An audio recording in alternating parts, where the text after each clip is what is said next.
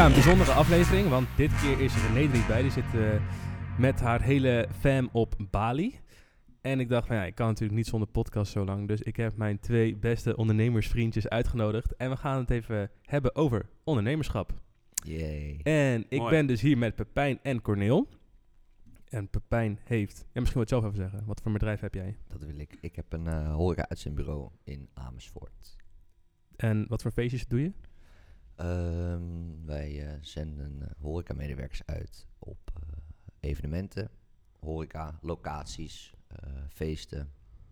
We doen noem namen, noem namen. Noem zeg maar de, de, grote, de grote de festivals. grote festival, de gekke... We mogen nog niet eh de mag dat van niet? de festivals Oh, shit. nu. Nee, nee, nou, nee. geheid dat mensen die dit luisteren wel dat weten, wel eens een keer op een feestje geweest zijn waar mensen van jullie hebben gestaan. Sowieso. Afgelopen jaar, dat kan ik wel zeggen, hebben we bij the Creek gestaan. Cool. Dat is wel tof. ja, dat is wel vet Into the festival. Woods. Into the Woods. Eh, Wildeburg, ook wel bekend voor de Amersfoortse mensen. Nice. En eh, ja, ik eh, ga ervan uit dat we komend jaar nog veel meer doen. En ehm, rond februari komt alles een beetje online. Dus als je een jaartje, of, dus als je een jaartje of 18, eh, 19 bent of zo, dan, en je wilt... 20, Oh, 20? 21, Tot, 23. van hoeveel ben je een beetje op zoek? Naar Van mensen? hoeveel? Ja, van Iedereen mag.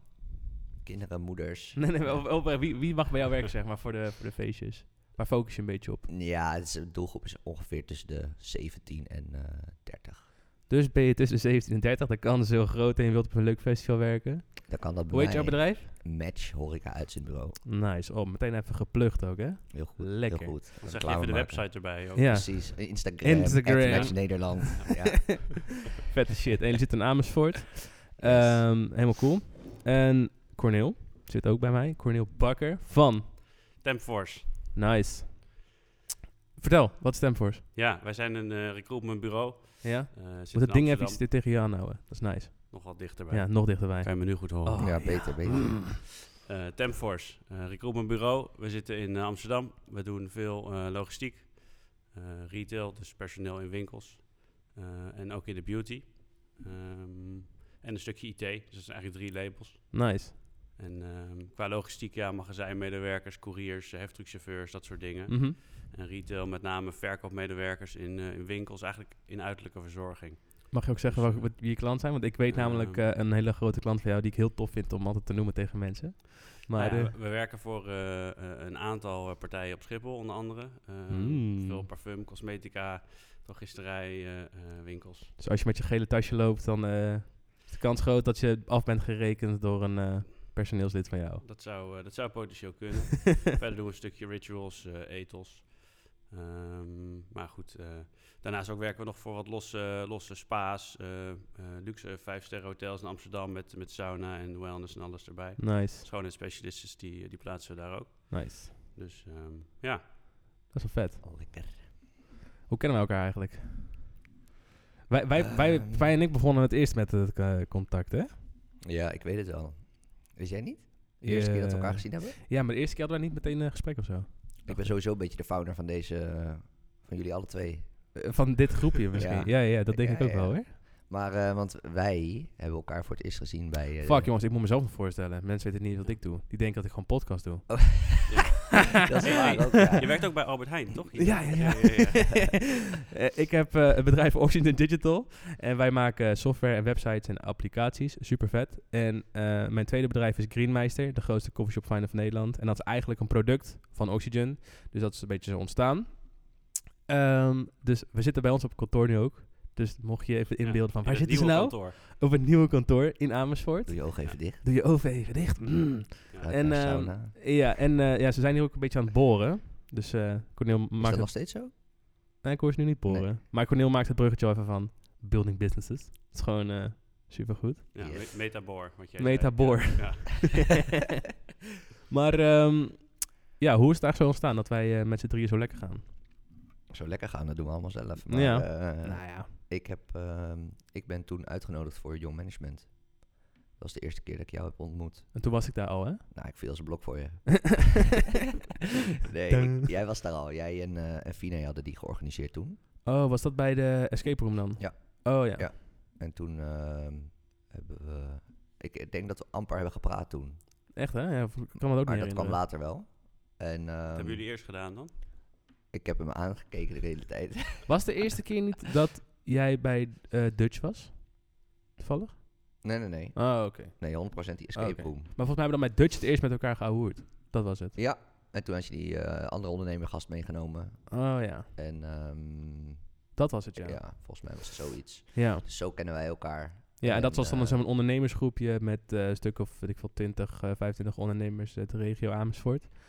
Allemaal onder de 40. Dus dat is de bedoeling dat iedereen elkaar een beetje aansteekt Ja. en eh, een beetje met elkaar praat. En met sommige mensen heb je een goede klik en sommige mensen wat minder. En ik denk dat wij met z'n drie altijd wel gewoon een goede klik hebben gehad. Ja. In, en met de eh, rest ook zeker wat minder. Ja, Ja. met de rest is zeker wat minder. Ehm, Laat voor mezelf. ja. maar ehm, Ze luisteren dit allemaal. Hè? ja, Ja. shout-out. Maar eh, nee, daar, daar gaan wij toevallig met z'n drieën zijn we ermee gestopt met, dat, met die ondernemersgroep. Maar meer ook omdat ik denk, tenminste vanaf mijn kant, dat we wat meer met ehm, elkaar zeg maar hadden. Dat we, Mhm. dat we weer buiten werk gewoon met elkaar afspraken. Dan dat we daar, daaraan die mensen wat hadden, zeg maar. Tenminste zoals ik het zo zie. Ja, Anyway. Ik, ah, ik vond het wel gezellig en leuk als we er waren. Ja, Het was prima, alleen ik had een ander verwachtingspatroon. En dat was dat ik er gewoon echt, weet ik veel, iets uit zou halen. En heel enthousiast en energiek van zou worden. En als je, het was denk- gewoon even een drankje doen. Ja, En als ik me had ingesteld op gewoon elke keer even een drankje doen, dan was het prima geweest. En dan had ik het echt wel leuk gehad. Maar ja, maar ik denk als je echt soort de business eruit wil halen en je doet echt actief je best, dan kan dat wel. maar, ik denk maar die- er zijn nog zoveel duizenden netwerkgroepjes daar dat ook ja. kan. En die zijn waarschijnlijk daar nog net even actiever in. En onze groep had dat gewoon niet. Nee. Net als prima voor een, eh, voor een drankje. Maar ja, ik denk dat dat een beetje de insteek had moeten zijn. En wij hebben op een gegeven moment daar lekker evenementen voor eh, zitten bedenken. Ja, Ja. Was leuk, alleen ja, dan steek je heel veel energie in en wat krijg je ervoor terug. ja dat eh, viel ook wel mee, ja. Dus eh, Nou, dus dat, eh, dat, we gaan binnenkort wel waarschijnlijk met iets anders komen. Dus als je een ondernemer bent in de regio Amersfoort, we gaan een soort van hele dikke eh ondernemers Subscribe, eh, volg. groeps-app maken. Ja. Met allemaal toffe mensen erin. Ehm, En ehm, hoe kennen wij elkaar?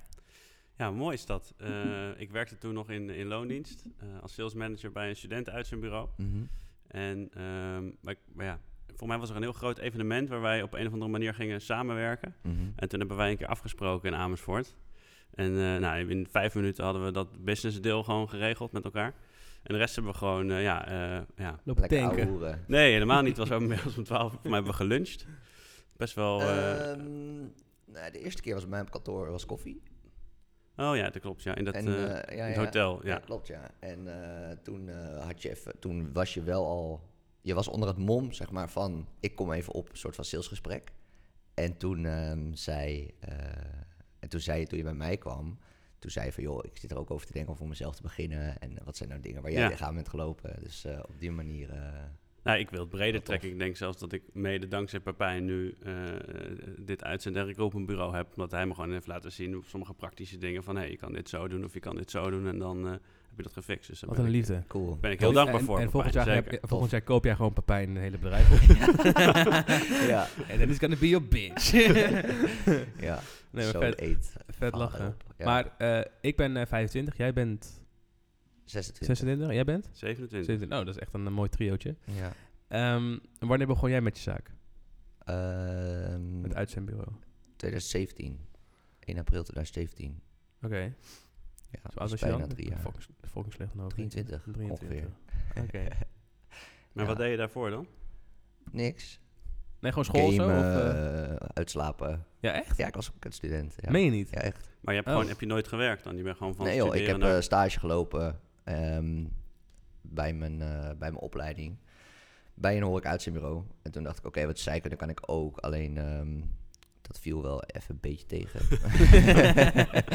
maar eh, ja, en ik had bij een uitzendbureau heb ik gewerkt.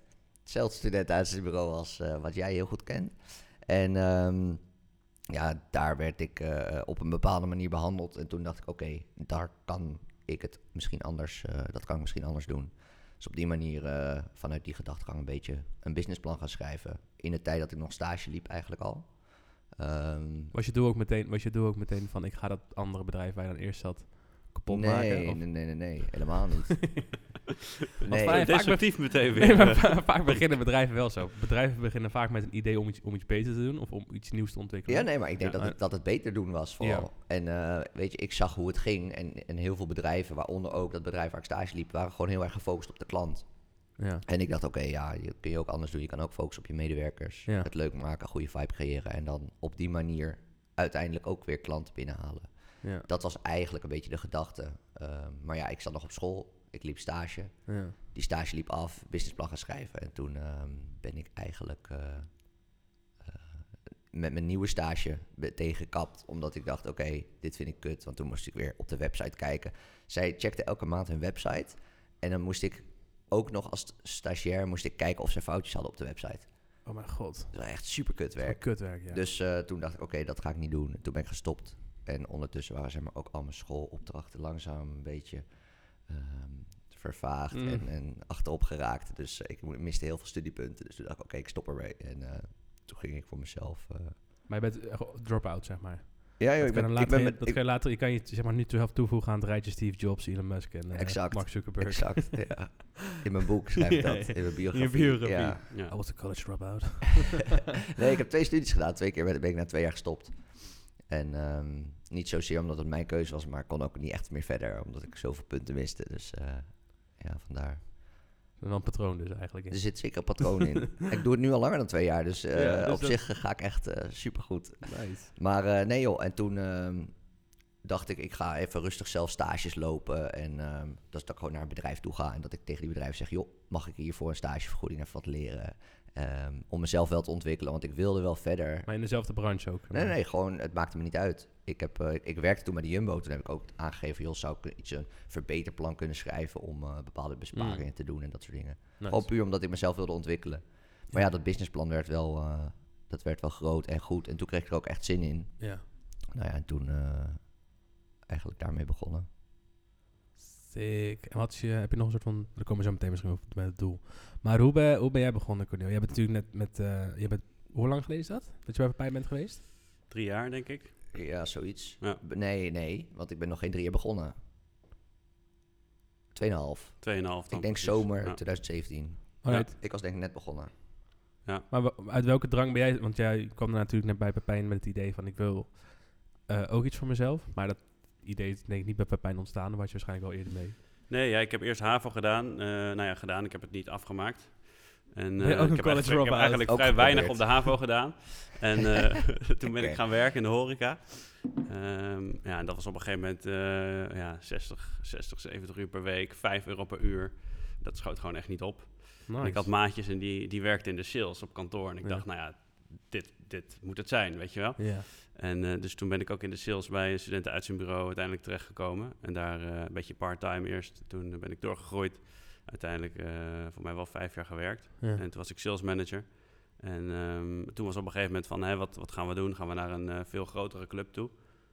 Aan de Randstad, Deco, Manpower. Of, of gaan we het zelf doen? En nou goed, dat, dat werd vrij snel duidelijk dat het dat laatste ging worden. ja. En eh, ook mede dankzij gesprekken met Pepijn en met andere mensen van joh, hoe, hoe ga je hiermee om, hoe ga je dit doen? Dan, daardoor besef je eigenlijk dat je het misschien wel gewoon kan. Want je houdt dat eerst niet voor mogelijk. En Ja. dan, eh, dan ga je het ook gewoon doen en dan lukt het. Cool. Waar liep je het meest tegenaan toen je startte? Goeie. Ehm, ja, ik, ik denk dat dat synoniem is voor ondernemerschap. Dat je gewoon de hele tijd tegen dingen aanloopt. Maar echt, en, en elke dat je, dag, hè? En dat, dat je dat hoopt dat het op een oplost. gegeven moment ophoudt, maar Ja. dat het gewoon de dag daarna weer iets is. En het grappige is, ik, ik luister wel eens eh eh, podcasts van andere grotere onderne- ondernemers. En dat is precies het. Die zeggen ook Ja. nog steeds. Want zelfs Level Facebook zegt nog steeds elke dag. van, Ja, elke dag komen we shit tegen dat we aan het oplossen zijn. En als het goed is, wordt je probleem, zeg maar, zodra je iets hebt opgelost, wordt het direct vervangen door een probleem wat nog groter is. Anders groei je niet hard genoeg. Dat is ook waar. Ja, ja. Dus eh, ja, Grappig. je bent de ene dag een beetje. Ja, dat, dus op een gegeven moment, ik had dat bijvoorbeeld heel erg. Dan, Maar hoe ben jij begonnen? Ehm, Ooit. Ja, ik zat vanaf, eh, ik zat vanaf de ehm, eh, ja, wat is het, middel- middelbare school. Nee, eigenlijk begon het nog eerder. Toen was ik ehm, op de basisschool. Dat was, dat was eigenlijk het begin dat ik dacht, Mhm. dit vind ik echt heel interessant. Ik was op de basisschool. Mijn vader werkte toen met de bloemenveiling in Aalsmeer. En die gaf toen, ehm, had van die monsters, weet je wel. Van die sampletjes van bloemen en bloemstukken en je een vazen sample met- van een bloem hebben? Het is gewoon een bloem, toch? Ja, het is gewoon een bloem, maar je weet toch, die... Maar dat- het is vaak dan zo'n stukje, weet je wel. Zo'n bloem met een pot en een, met wat dingetjes Oh, ja, ja, ja, ja, ja. Zoals je bij de, bij de intratuin ziet liggen. Ja. En ehm, daarmee... ehm, ik moest dan zo'n... Ik zei tegen hem van, oké, we hebben zo'n schoolmarkt, weet je wel. En al het geld wat je dan verdient, moet je dan... Dat gaat naar het goede doel. Ehm, natuurlijk allemaal zelf gehouden, dat geld. nee. We noemen de naam van de school niet. Ja. in de schoolfiets. Nee, dus ehm, ehm, ik zei tegen mijn pa, oké, ik, ik moet het doen voor, de, voor school. En ik zat toen in groep 8 en toen zei hij van, oké, nou bel, bel eh, deze en deze guy van mijn werk. En vraag het maar even aan hem of je misschien wat dingetjes mag hebben die dan over zijn en die je kan verkopen op school. Mhm. Dus ik die gast gebeld. Dit was middelbare school? Nee, nee, dit was groep 8. Oh, echt? Ja. Oké. Dus ik was echt jong, echt 11 of 12 of zo. Mhm. En ehm, eh, nou, dus eh, die gast, ja, tuurlijk gaan we doen. Dus hij had iets van, ik denk dat ik gewoon drie, vier van die dingen. Maar het hele achterbak lag vol met allemaal spullen die ik kon verkopen. Mhm. En ehm, nou had ik een tafeltje voor mezelf gezet eh, in de klas. Met ehm, allemaal mooie bloemetjes erop en, en een mooi schattig. kleedje. Ja, super schattig. En, en ja, iedereen verkocht chips of andere vage dingen of geknutselde shit. En ik, ik was gewoon binnen een uurtje, die markt duurde drie uur, al die ouders moesten komen. Eh, En s'avonds moest, ging het ook nog door die markt. Maar ik was binnen een uur was ik gewoon, had ik alles verkocht en alles gewoon voor dikke prijs. Dus ik had, ik had zo'n 200 euro verdiend of zo, echt in, in een uurtje. Dus ik dacht bij mezelf van, wow, dit is zo vet. En ik denk dat daar het idee is, eh, dat sinds, sindsdien dat ik wel echt iets heb van, oké. Ja, van ik vond het wel heel leuk. En dan vooral het contact met, eh, met de klant vond ik heel leuk. En dat is nog, nog steeds het leukste vind ik met mijn werk. En Oxy? En toen ehm naar de middelbare school gegaan. Toen zat ik in een bandje. En in een bandje leerde je heel erg jezelf vermarkten Je ook. hebt ook gedrumd, toch? daar? Ja, ja. Dus, dus je leert jezelf heel erg een soort van vermarkten, toch? Want ja, je moet interessant zijn voor zaaltjes. Je moet interessant zijn voor, voor als je een beetje fans, fans wil opbouwen. En daar ben je eigenlijk ook wel een soort van aan het ondernemen. Dan ben je ook al een soort van je eigen bedrijfje aan het starten. Alleen verdien je dan geen reet. En is het wel heel erg leuk. En je moet veel dingen uitzoeken al. Je moet heel veel dingen uitzoeken. Dus ja, je wordt wel een beetje in het diep gegooid. En toen was ik met een eh, jongen, was ik daar zo lang mee, was ik daar maar, mee bezig om constant eh ons bandje in de markt te zetten. Met een website en met, een, met logo en branding. Dat we op een gegeven moment dachten van, hé, hey, dit kunnen we ook gaan doen voor een bedrijf. Mhm. Gewoon voor iemand in de buurt. En toen zijn we naar een kennis van mij gegaan. Die heeft een eigen bedrijf in armbandjes. En toen zeiden van, yo, mogen we een webshop voor jou maken? Toen zei ja, is goed. Dus wij met pijn en moeite 1000 euro ge geoffereerd van, nee, is dat goed? En hij, wij allemaal zenuwachtig van, oh, 1000 euro, dat is echt fucking veel geld. En eh, nou, we, we komen met ons verhaal aan en die offerte, hij kijkt er niet eens naar en er zit gewoon een krabbeltje. En, toen hadden we 1000 euro verdiend. dus, dus dat was voor Maar, mij... maar kon jij al websites maken? en nee, nee, dat hebben we allemaal uitgezocht toen. Oké. Ik kan het nog steeds niet trouwens hoor. Nee, precies. en ehm, Je weet het gewoon mooi te verkopen. ja. Ja. En ehm, nou, toen hadden we onze eerste 1000 euro verdiend. Toen dacht ik bij mezelf, oh, dit is, dit is echt superleuk. Nou, toen hebben we dat gedaan. En binnen een eh, weekje, twee weekjes was dat klaar. Nou, dan, dan gaan we nog maar een keer proberen. En toen voor 2000. En toen voor 3000. Nou, nu doen verkopen websites voor 125.000 euro. Nee, nee, nu, dus dat, zo is het een beetje gegroeid. Elke keer, eh, elke keer grotere opdrachten. Nou, toen maakten we echt een bedrijfje ervan. En dat is uitgegroeid uiteindelijk tot Oxygen. En dat doen we nu met eh, drie man. Drieënhalf man, zeg maar. Tof. dat. Dus dat is heel tof. En vanuit daar is inderdaad ehm Greenmeister aan ontstaan. Ja. Dus zo ben ik Als, eh, begonnen. Een soort van lachen projectje. Ja, een soort van grappig projectje dat uiteindelijk eh, heel succesvol werd. Vet man. Ja. En funny is dat, hè? Ja. Het is ook grappig, ik, ik- hoe ik het altijd zo ook zie, want je begint gewoon ergens en elke keer komt er iets op je pad. Want waarschijnlijk begon jij ook niet met logistieke eh, shit, maar kwam het op je pad en dacht, hé, hey, hier is zo'n vraag, nou ga ik dat gewoon doen. Dus elke Ja. keer zie je gewoon wat kansen en wat dingetjes en dan stap je daarin. Ja. Ik denk dat dat wel iets is wat, Ondernemen toch? ja, maar wat je ook een beetje moet loslaten. Je hebt gewoon een plan en dat is goed, een soort van lange termijn plan en dat is goed dat je daar, daar naartoe kijkt, maar al die kleine veranderingetjes is, is gewoon prima. Dat, Ja. is gewoon geen, dat is geen probleem. Ja, het mooie van zo'n businessplan is, ik, je moet het gewoon sowieso maken, omdat het je dwingt om na te denken over hoe je dingen gaat eh, regelen en eh, wat als dit of wat als dat. Ehm, alleen de dag dat je begint, dan klopt het vaak al niet meer. Dus dan, eh, het plan is gewoon gemaakt om vanaf te wijken. Ja, ja. Top. Ja. Maar ja, dat, maar het is wel het Ja. is een soort van houvastje. En je denkt dan wel over bepaalde dingen na. Dus je denkt van, oh hey, dit is super. Dat business model canvas, toch? Wat iedereen kent. Mhm. Dat is echt zo'n zo'n zo, zoiets wat je, als je een idee hebt voor een, voor een bedrijf. En je gaat dat even downloaden, je, je vult dat in. Dan ga je over vragen nadenken waar je normaal niet zo snel over nadenkt. Bijvoorbeeld, wie zijn leveranciers? Wat, eh, wat is je verkoopprijs? Wat is je, wat is je dit? Wat is je dat? En ja, het, is niet, het is niet per se nodig om te gaan starten, maar het is altijd wel heel makkelijk. De- Want je dan wel Ja, het is een soort van rode draad, toch? precies, je wordt een beetje aan het denken gezet. Een basis waar je vanuit je begint. En uiteindelijk denk ik dat zo'n businessmodel, of welk model je zelf ook gebruikt, niet ehm, het model is waar je je constant aan moet vasthouden, maar vanuit waar je je keuzes maakt. Ja. En dan wijk je er dus eigenlijk altijd vanaf, wat jij ook zegt. Ja. Dat je Ja. dus, eh, Ik heb niet eens een businessplan En- gemaakt maar, trouwens. maar het gaat wel Nee. ook heel veel fouten voorkomen. ja, 34 pagina's of zo. Ja, maar voor jou wat een andere reden, toch? Omdat jij eh, Ehm, funding moest ophalen ook. Ja, dat. Maar ja, ik ben ermee weer naar de bank gegaan. Ja. Maar dat was eigenlijk puur om te checken of zij het een goed plan vonden. Dus Oh, dat het was gewoon een soort van zelfvertrouwen krijgen. Weet je, ik was jong. Ik dacht, oké, ja, eh, ik moet iets doen met Ja. mijn leven. En eh, dit vond ik leuk. Maar ik vond het... Kijk, alles wat ik zelf bedenk, vind ik een goed plan. Ja. Snap je? En eh, ik, ik heb dan nodig dat anderen... Ja, logisch Ja. toch? Ja, als, je, maar als je zelf maar in gelooft, dan is Toch? het dat ook. ja, Tuurlijk, tuurlijk. Alleen ja, eh, ik eh, geloof wel in heel veel dingen, maar eh, het moet uiteindelijk nog wel gedragen worden en, eh, en uitgevoerd worden. Nou ja, als een bank dan zegt, joh, dat, eh, dat zouden we wel willen financieren. Ik heb uiteindelijk niet met de bank gedaan, maar eh, En wouden ze het financieren? Ja. ja. Dus ja, toen dacht ik, ja, start. Ja, ik heb dus nog nooit eh, geld geleend voor zoiets. Nee, ja, als het niet hoeft. Nee, maar Hmm. het is... Ja, Corneel staat er iets anders tegenover. Ja. Maar je hebt, je hebt, ik vind die theorie van Corneel, dat vind ik wel heel interessant op dit moment. Maar ik, ik, ik heb Welke altijd theorie, Cornel? met geld lenen voor, voor een bedrijf. Nou ja, wat is eh, er eh, welke, welke kroeg of, eh, of restaurant stonden we laatst met dat bierveeltje? Ja, ja, ja. ja. Met dat, we hebben uitgerekend dat ja, als je, eh, in ieder geval als je een bedrijf wel hè, wat langer dan, eh, iets langer bestaat, maar als je er gewoon een eh, ja, flink geld in pompt, dan levert het dat eigenlijk altijd wel weer op. Als je in ieder geval een goed model hebt staan. Tuurlijk. Maar dat, dat, zeg maar, om dat een beetje hè, ook voor anderen visueel te maken. Stel, jij doet in je eentje iets en je neemt iemand aan om hetzelfde te doen. Mhm. Je neemt niet iemand aan om geld in te leveren. Je neemt iemand aan om Geld extra te geld te verdienen. Ja. Dus diegene die verdient zichzelf terug, plus een beetje extra voor jou. Ja. Ja. Nou, dat is eigenlijk met alles wat je investeert, moet dat uiteindelijk de uitkomst zijn. Dus ik geloof Ja. er ook heilig in dat als je geld ergens insteekt, maar je moet wel gedegen plannen hebben en weten Ja. waar je het aan uitgeeft. Want ja, je kan ook wel een ton investeren en daar, eh, ja, weet ik veel, drank verkopen elke week. Maar Ja. dan levert het zichzelf niet op. Nee. En misschien zijn we ook heel erg geprogrammeerd om te denken allemaal van geld lenen is slecht en studieschuld is natuurlijk vervelend. En eh, Het klinkt ook dingen, slecht, toch? ja, Ja, Schuld, zeg maar. het woord heeft Ja, een ja. negatieve lading. Klopt. schuldig. Het heeft iets negatiefs, Ja. maar uiteindelijk het hoeft niet negatief te zijn, want het kan bijdragen aan iets veel groters. Ja, maar de grootste bedrijven hebben vaak Ja. de grootste schulden. Zo, maar echt. Ja, sowieso.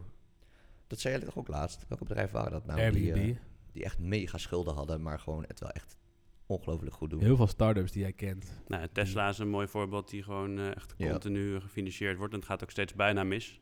Omdat ze het zeg maar dan weer net niet voor elkaar krijgen om... Ja. eh, Terwijl ja. iedereen denkt dat Tesla echt verschrikkelijk goed is. Ja, en het het heeft, nu voor mij een paar keer winst gemaakt, maar over het algemeen eh, ja, maakt het gewoon heel Maar veel ook dat verlies. zijn- Ook al heel erg lang. Ja, maar ook dat is een lange termijn plan of zo. Maar op een gegeven Ja. moment moet je ook een keer winst gaan maken. Ja.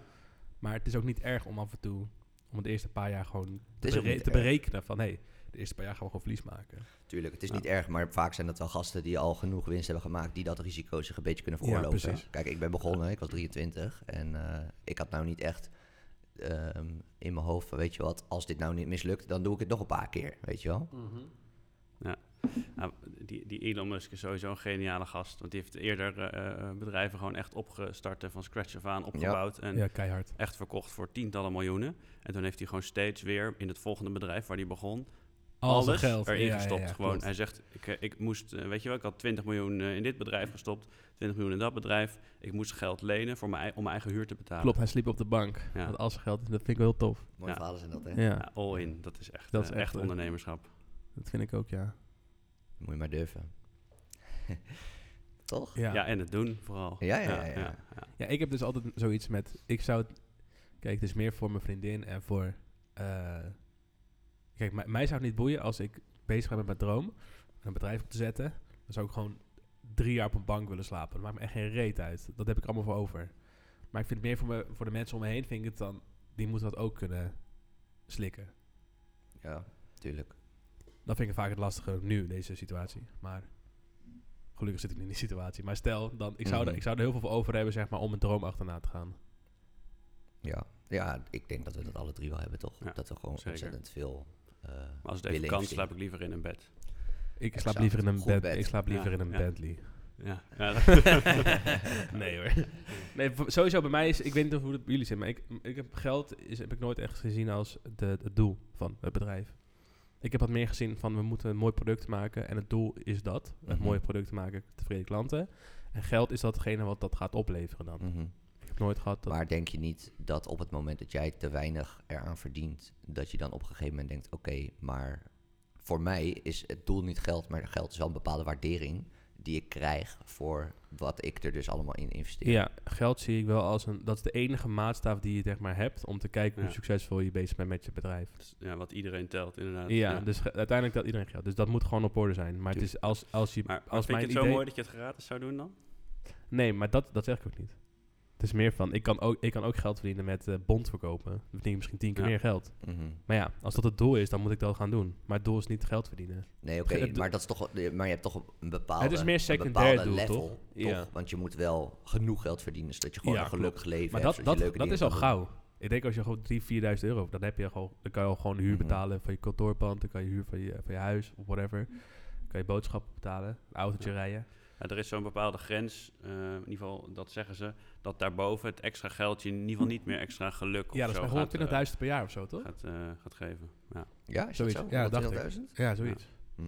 Want daar kan je gewoon alles doen. Dan ben je Ja. gewoon helemaal cool. Maar dan, Ja. dan heel, als je dan 10.000 extra verdient, is dat niet heel bijzonder. Het, je wordt dan niet twee keer zo Nee. gelukkig. Nee, precies. Maar ik geloof daar wel heel erg in hoor. Dat je gewoon wel een bepaalde basis moet hebben van een nou ja, leuk bedrag. Ja, Om uiteindelijk gewoon alles te kunnen doen wat je heel graag wil doen. Ja. En Maar ik denk met niemand hier is dat zeg maar, het idee geweest eerst toch in eerste instantie. Van ik ga een eh, bedrijf starten om heel veel geld te verdienen. Tenminste, dat is natuurlijk... Dat is misschien bij natuurlijk jou. Eh, nou, nee, niet, niet als enige in ieder geval. Ik, vind, ik wil gewoon intrinsiek, ik wil gewoon excelleren. Ik wil gewoon iets heel goed doen, ja. zeg maar. Maar, Maar, als je, dat, ik- dat, zou, maar- dat had je net ja. gewoon in sport kunnen doen, toch? Stel je... Ehm, Tenminste, dan was je ook, had je ook die mindset gehad. Ja, ja, zeker. Ik denk dat dat dan hetzelfde gevoel zou geven. Precies. Ja. Ja. Weet je, ik, dat, dat inderdaad, ja. Al vind ik geld wel gewoon nu wel echt iets belangrijks. Dus dat is dan nog Ja. steeds niet het, het is sowieso niet het enige. Nee, het is ook nee. niet het hoofddoel, maar het is wel gewoon eh, ja, iets wat voor mij heel belangrijk is. Ja. Dus Snap in die zin, ik vind het niet, ik zou het niet eh, gratis doen. Zeg maar. Nee, ik denk, dat niet, ik denk dat er een verschil zit tussen, eh, eh, tussen dat. Maar dan is het een hobby, toch? Dan doe je het echt voor de lol. Ja, kijk, met de podcast bijvoorbeeld zoals het nu is, dat is Ja. iets wat ik heel leuk vind en waar we geen geld aan Krijg ik verdienen. er niet voor betaald? Nee, nee jij krijgt er toevallig wel van betaald. nee, dit, dit, ehm, dus dat is meer een hobby. Maar je kan ook gewoon je werk, toch? Ik zie dat echt als je werk, als dat, dat moet leuk zijn. Het Moet ook leuk zijn. Ik ken gasten die, eh, die heel veel geld verdienen met hun baan, maar fucking ongelukkig zijn. Nou ja, Klopt. en dan? Maar we moeten denk ik ook allemaal heel veel dingen doen. In ieder geval voor ons bedrijf, wat we misschien niet leuk vinden, maar we moeten het wel doen. Dus Klopt, maar het. uiteindelijk zijn het wel die dingen die, je- die je dan doet, die niet leuk zijn, maar die dan wel bijdragen aan het leuke bedrijf. Snap Ja. je? Jawel, Ja. die zorgen weer voor die 80% Bijvoorbeeld leuke belasting, dingen. belastingaangifte en shit. Dat is altijd super kut. Daar ben ik toevallig nu mee bezig. Beetje laat, hè? Is dat nu? Oh ja. Ja, ja, ja. voor de eerste. En ehm, dat is niet, dat is gewoon super saai en stom Ja. werk en uitzoekwerk. Ja. Maar het is wel, Geef wel voldoening, maar- toch? Als je het hebt doorgestreept, Ja, je hebt het er precies. geregeld. ja. Maar vind je- kun je er niet nog meer uit, naar uitbesteden dan? eh, nee, we besteden ook best veel uit. Maar het is meer dat het vanaf mijn kant moet komen als in facturen en bonnetjes even opsturen en opzoeken. Oh, zo. en dat Ja, soort vraagposten. Ja. Ja, dat is het enige. Nee, oké. Maar, ehm, Dat vind ik ook, dat vind ik ook niet meer dan normaal dat ik het zelf gewoon doe. maar je, bij een podcast maken heb je niet dat je een gesprek met iemand hebt dat je denkt, oké, dit vind ik een kutgesprek, die ga ik niet doen. Snap Nee, je? maar bijvoorbeeld Als je- alles Als je opzetten. het kut vindt, dan doe je het niet. Nee, precies. Maar alles opzetten van alle apparatuur, dat is dan wel weer... Dan ben je wel een half uur bezig met dat. Het is niet het leukste wat er is. Het is wel prima, maar Nee, oké. Je? Nee, doet het Maar je hebt vervolgens wel een leuk gesprek. Daarom, en dat is het wel weer waard. Tuurlijk. Ja man, maar eh, hoe, hoe is jullie werk, eh, werkpatroon een beetje? Zo, hoe, hoe laat begin je met Zo min werken? mogelijk. ja, dat is, dat is eigenlijk het beste. Dat zou het beste zijn. Ja. Nee, ik, ehm, ik begin eh, eigenlijk altijd rond, nou, wat zal het zijn, kwart voor negen, negen uur. Eigenlijk kwart voor negen en dan een beetje opstarten, zodat ik negen uur gewoon aan de slag kan. En ehm, Maar Maar als je wakker wordt, wat is dan het eerste wat je doet? Is dat niet je mail checken? Eh, nee, want het laatste wat ik doe als ik ga slapen is mijn mail checken. Serieus? Nou ja, zoiets. Dat zou ik echt niet trekken, man. Of een half uurtje voordat ik ga slapen. Omdat als ik mijn mail niet heb gecheckt, Ja. dan ben ik onrustig. Omdat ik denk, misschien zijn er dingen gebeurd. Dus ik moet een half uurtje of een uurtje voordat Maar ik als ga je het slapen. dan een half uurtje van tevoren doet en je ziet een Ja. mailtje wat belangrijk is, dan Ja. pak je dat op. Nee, Maar wat, als je het toch niet oppakt, ik heb, ik heb een planningstool op mijn telefoon. Ja. Asana. Oh, dan zet je je... En dan maak ik een taak. En Oh, die taak, daar staat in Maar dat mailtje uitzoeken. Of, jawel, maar ik, als ik het, zeg maar, mijn hoofd werkt zeg maar super rommelig. Dus als ik Mhm. nog heel veel moet doen, dan ben ik onrustig. Dus ook vanochtend stond ik op en ik moet vanmiddag werken. Ik ga hier naartoe en ik ben niet volledig ontspannen. Dus moet ik eigenlijk het even voorbereiden Oh ja. wat ik vanmiddag wil gaan doen. Want nu weet ik precies wat ik vanmiddag wil gaan doen. Dus kan ik ook ontspannen nu zitten. Snap je? Ja, ik snap het. Ik heb Dus het- dat heb ik s'avonds ook. Ja, ik vind slaap dus wat belangrijker. Dus ik heb juist zoiets van, ik wil s'avonds niet mijn mail checken. En dat komt morgenochtend, want dan ben ik vers. Dan ben ik, eh, eh, hoe heet dat? Fresh? Gewoon Fris. fris. Fruitig. ben, ik, ben ik fris en dan ben ik scherp. En Ja. dan kan ik dat meteen oppakken of niet.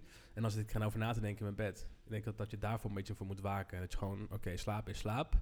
Morgenochtend eh Ja, ja, maar zijn ze dat, de eerste. het Maar werkt dat wel is bij iedereen, an- anders, toch? Want 100%. ik, voor mij is slaap ook slaap. En ik heb ook minimaal 7 uur slaap nodig. Ja. Maar, ehm, zeg maar ik slaap dus niet als ik niet weet hoe mijn dag er morgen uitziet. Dus Oh ja. als ik niet weet dat ik die belangrijke mailtjes morgen heb ingepland. En als ik ze heb gezien, het maakt echt niet uit. Dan laat ik het ook los als ik weet wanneer ik het kan gaan oppakken. ja. Heb jij? hoe, hoe is het bij jou eruit? Ehm, ja, op dit moment houdt me wel gewoon eigenlijk altijd bezig. Als ik wakker ben, dan ben ik er wel gewoon mee bezig. Maar dat is ook vaak het ding, toch? Dan vragen mensen aan je van hoeveel werk je per, Ja. per week? Is Wat- niet te ja, tellen, ja, dan zeg je van, ja, het, een soort, het Je- voelt als nul uur. Je bent al snel geneigd de uren te tellen dat je bijvoorbeeld alleen fysiek op kantoor zit. Ja. Of dat je zeg maar inderdaad thuis eh, aan het werk bent of zo. Maar Precies. daarom ja, vroeg ik net aan Papijn van... eh, wat doe je dan als eerste? Ga je niet gelijk op je mail? Want dat, ja, dat is dan eigenlijk ook werk als je het zo wil rekenen. Ja, Klopt. Klopt. En het is, het is bijna niet te rekenen. Je staat Want als jij in de aan. auto zit, naar de film toe of zo... en dan ga je nadenken over iets van werk wat je hebt gedaan... dan is het ook werk of iets Ja. wat je morgen wil gaan doen. Ik, ik vind dan een interessantere vraag van hoeveel uur ben je productief? Mhm. ja. Wow, dat schrik je denk ik wel hoor. Ligt Ja. eraan, ja. Maar wat, wat versta jij onder productief? Ja, dat is een goede vraag. Ik denk Dat- dat het iets oplevert, toch? Ja, eigenlijk ja, dat je jezelf eh, ja, declarabel kan maken. Of dat, je, Ja. dat het echt bijdraagt aan resultaat. Ja. Belasting doen? Ja, Draagt het bij? Dat moet gedaan worden. Dus in die zin, ja. Ja, ja, maar ik heb, ben ik heb, al- ik heb altijd, als ik niet op kantoor aanwezig ben, dan vind ik mezelf niet productief. Ja? Dus als ik een hele dag afspraken heb gehad, vier, dan vind ik echt dat ik een ontzettend slechte dag heb gehad. Ja. Ook Oh. al levert het echt super veel geld op. Eh, ik heb dus sinds kort iets nieuws. Ik heb dus, eh, als ik een afspraak plan op een dag, bijvoorbeeld, eh, dat is nu vaak bij mij de woensdag, doe ik allemaal afspraken op woensdag. Als ik één afspraak heb op een dag of twee, Mhm. en ik moet daarna nog in de productiemodus, dat kan, niet, kan ik niet. Ik moet of alle afspraken op één dag, of werk op één dag. Ik merk nu Ja. gaan heel, ik vind het heel lastig om te switchen van sociaal naar productie dingen. Ja, snap ik wel. Ja, ik weet niet. Ik maak een beetje de afwisseling, denk ik. Ja, maar over belastingen. Ik weet dat vroeger vond ik dat zo kut. Hè? Want dan moet je geld betalen. En denk je, fuck, ik heb hier hard, hartstikke hard voor gewerkt. En die Dan Peña, die heeft toen een keer gezegd van... I don't worry about taxes, I pay them. Een soort van, het moet toch gebeuren. Doe die Ja. shit gewoon, klaar. Nou ja. ja, het liefst betaal je natuurlijk zoveel mogelijk belasting. want dat doe je het best. Dat is een Ja. goed teken, ja. Ja. En daar hou je ook veel over, hè? Hopelijk wel. Als het goed is. ja. Nee, maar ehm, zijn er voor jullie nog eh, dingen die je zegt, die wil ik in 2020 bereiken? Goeie vraag vind ik dat. Nou, jij bent laatst naar de dingen geweest. Naar de Oh ja. 2020 eh, Ardennen. sessie, Ja. Ardennen sessie. Ja, vorig jaar... Dat vind ik wel interessant. Kan je wat meer over vertellen? Het jaar daarvoor, eh, dat eigenlijk voor het eerst eh, gedaan. Dat je Mhm. dus, eh, in dit geval mijn vriendin ging mee, maar ehm, dat je gewoon in ieder geval weggaat uit je eigen omgeving. Dat je eens één even na gaat denken van, hé, wat heb ik afgelopen jaar allemaal gedaan met mijn tijd? Ehm, wat heb ik bereikt? Wat, Ja. wat had ik willen bereiken wat niet, eh, niet gelukt is? Ja. Ehm, en vooral vooruitkijken van, eh, wat, wat gaan we dit jaar doen?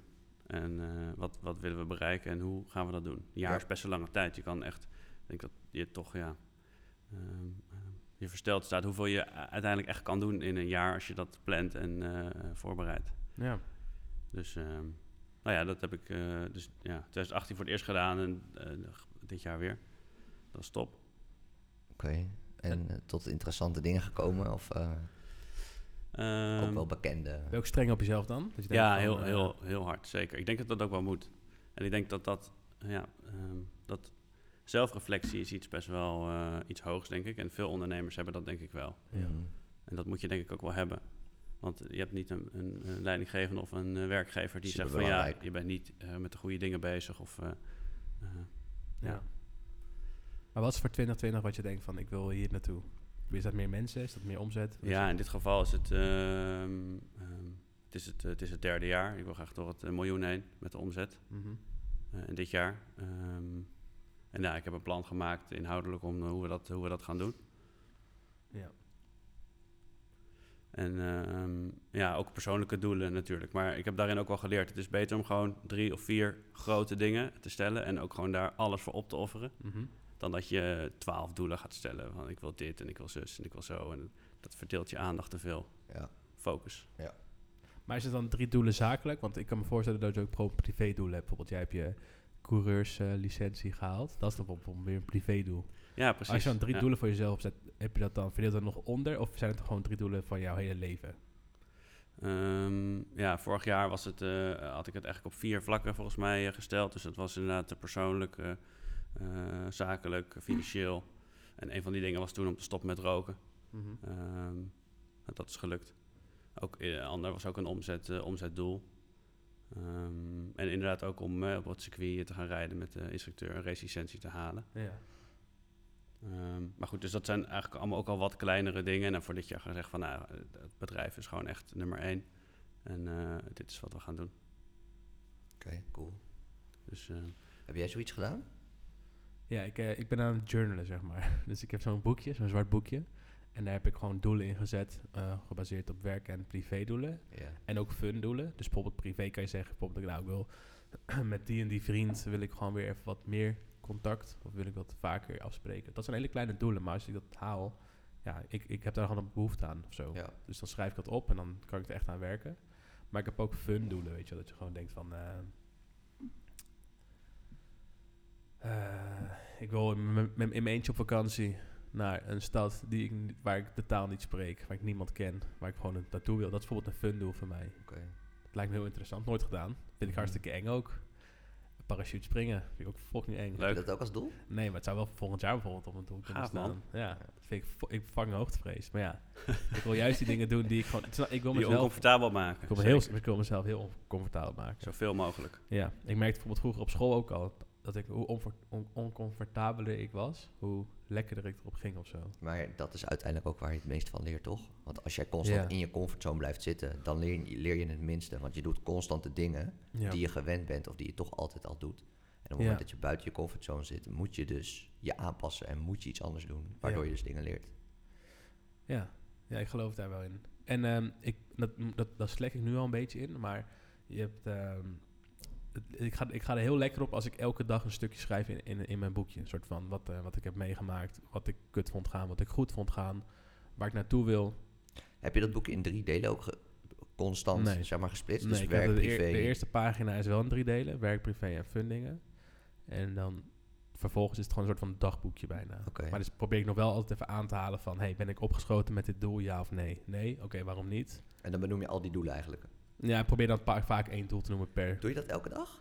Dat wil ik elke dag doen, maar dat, dat sle- daar stuk zegt, slekt er wel een beetje in. Dus eh, Super goed voor je zelfbewustzijn. heel erg. En, en ik, ga, ik word daar heel rustig van ook. Ik heb echt het idee dat ik, Helderheid. Het zijn namelijk... Ik heb ook tegen mijn vriendin gezegd van... niemand mag in het boekje kijken, want het zijn echt mijn puurste gedachten die hierin staan.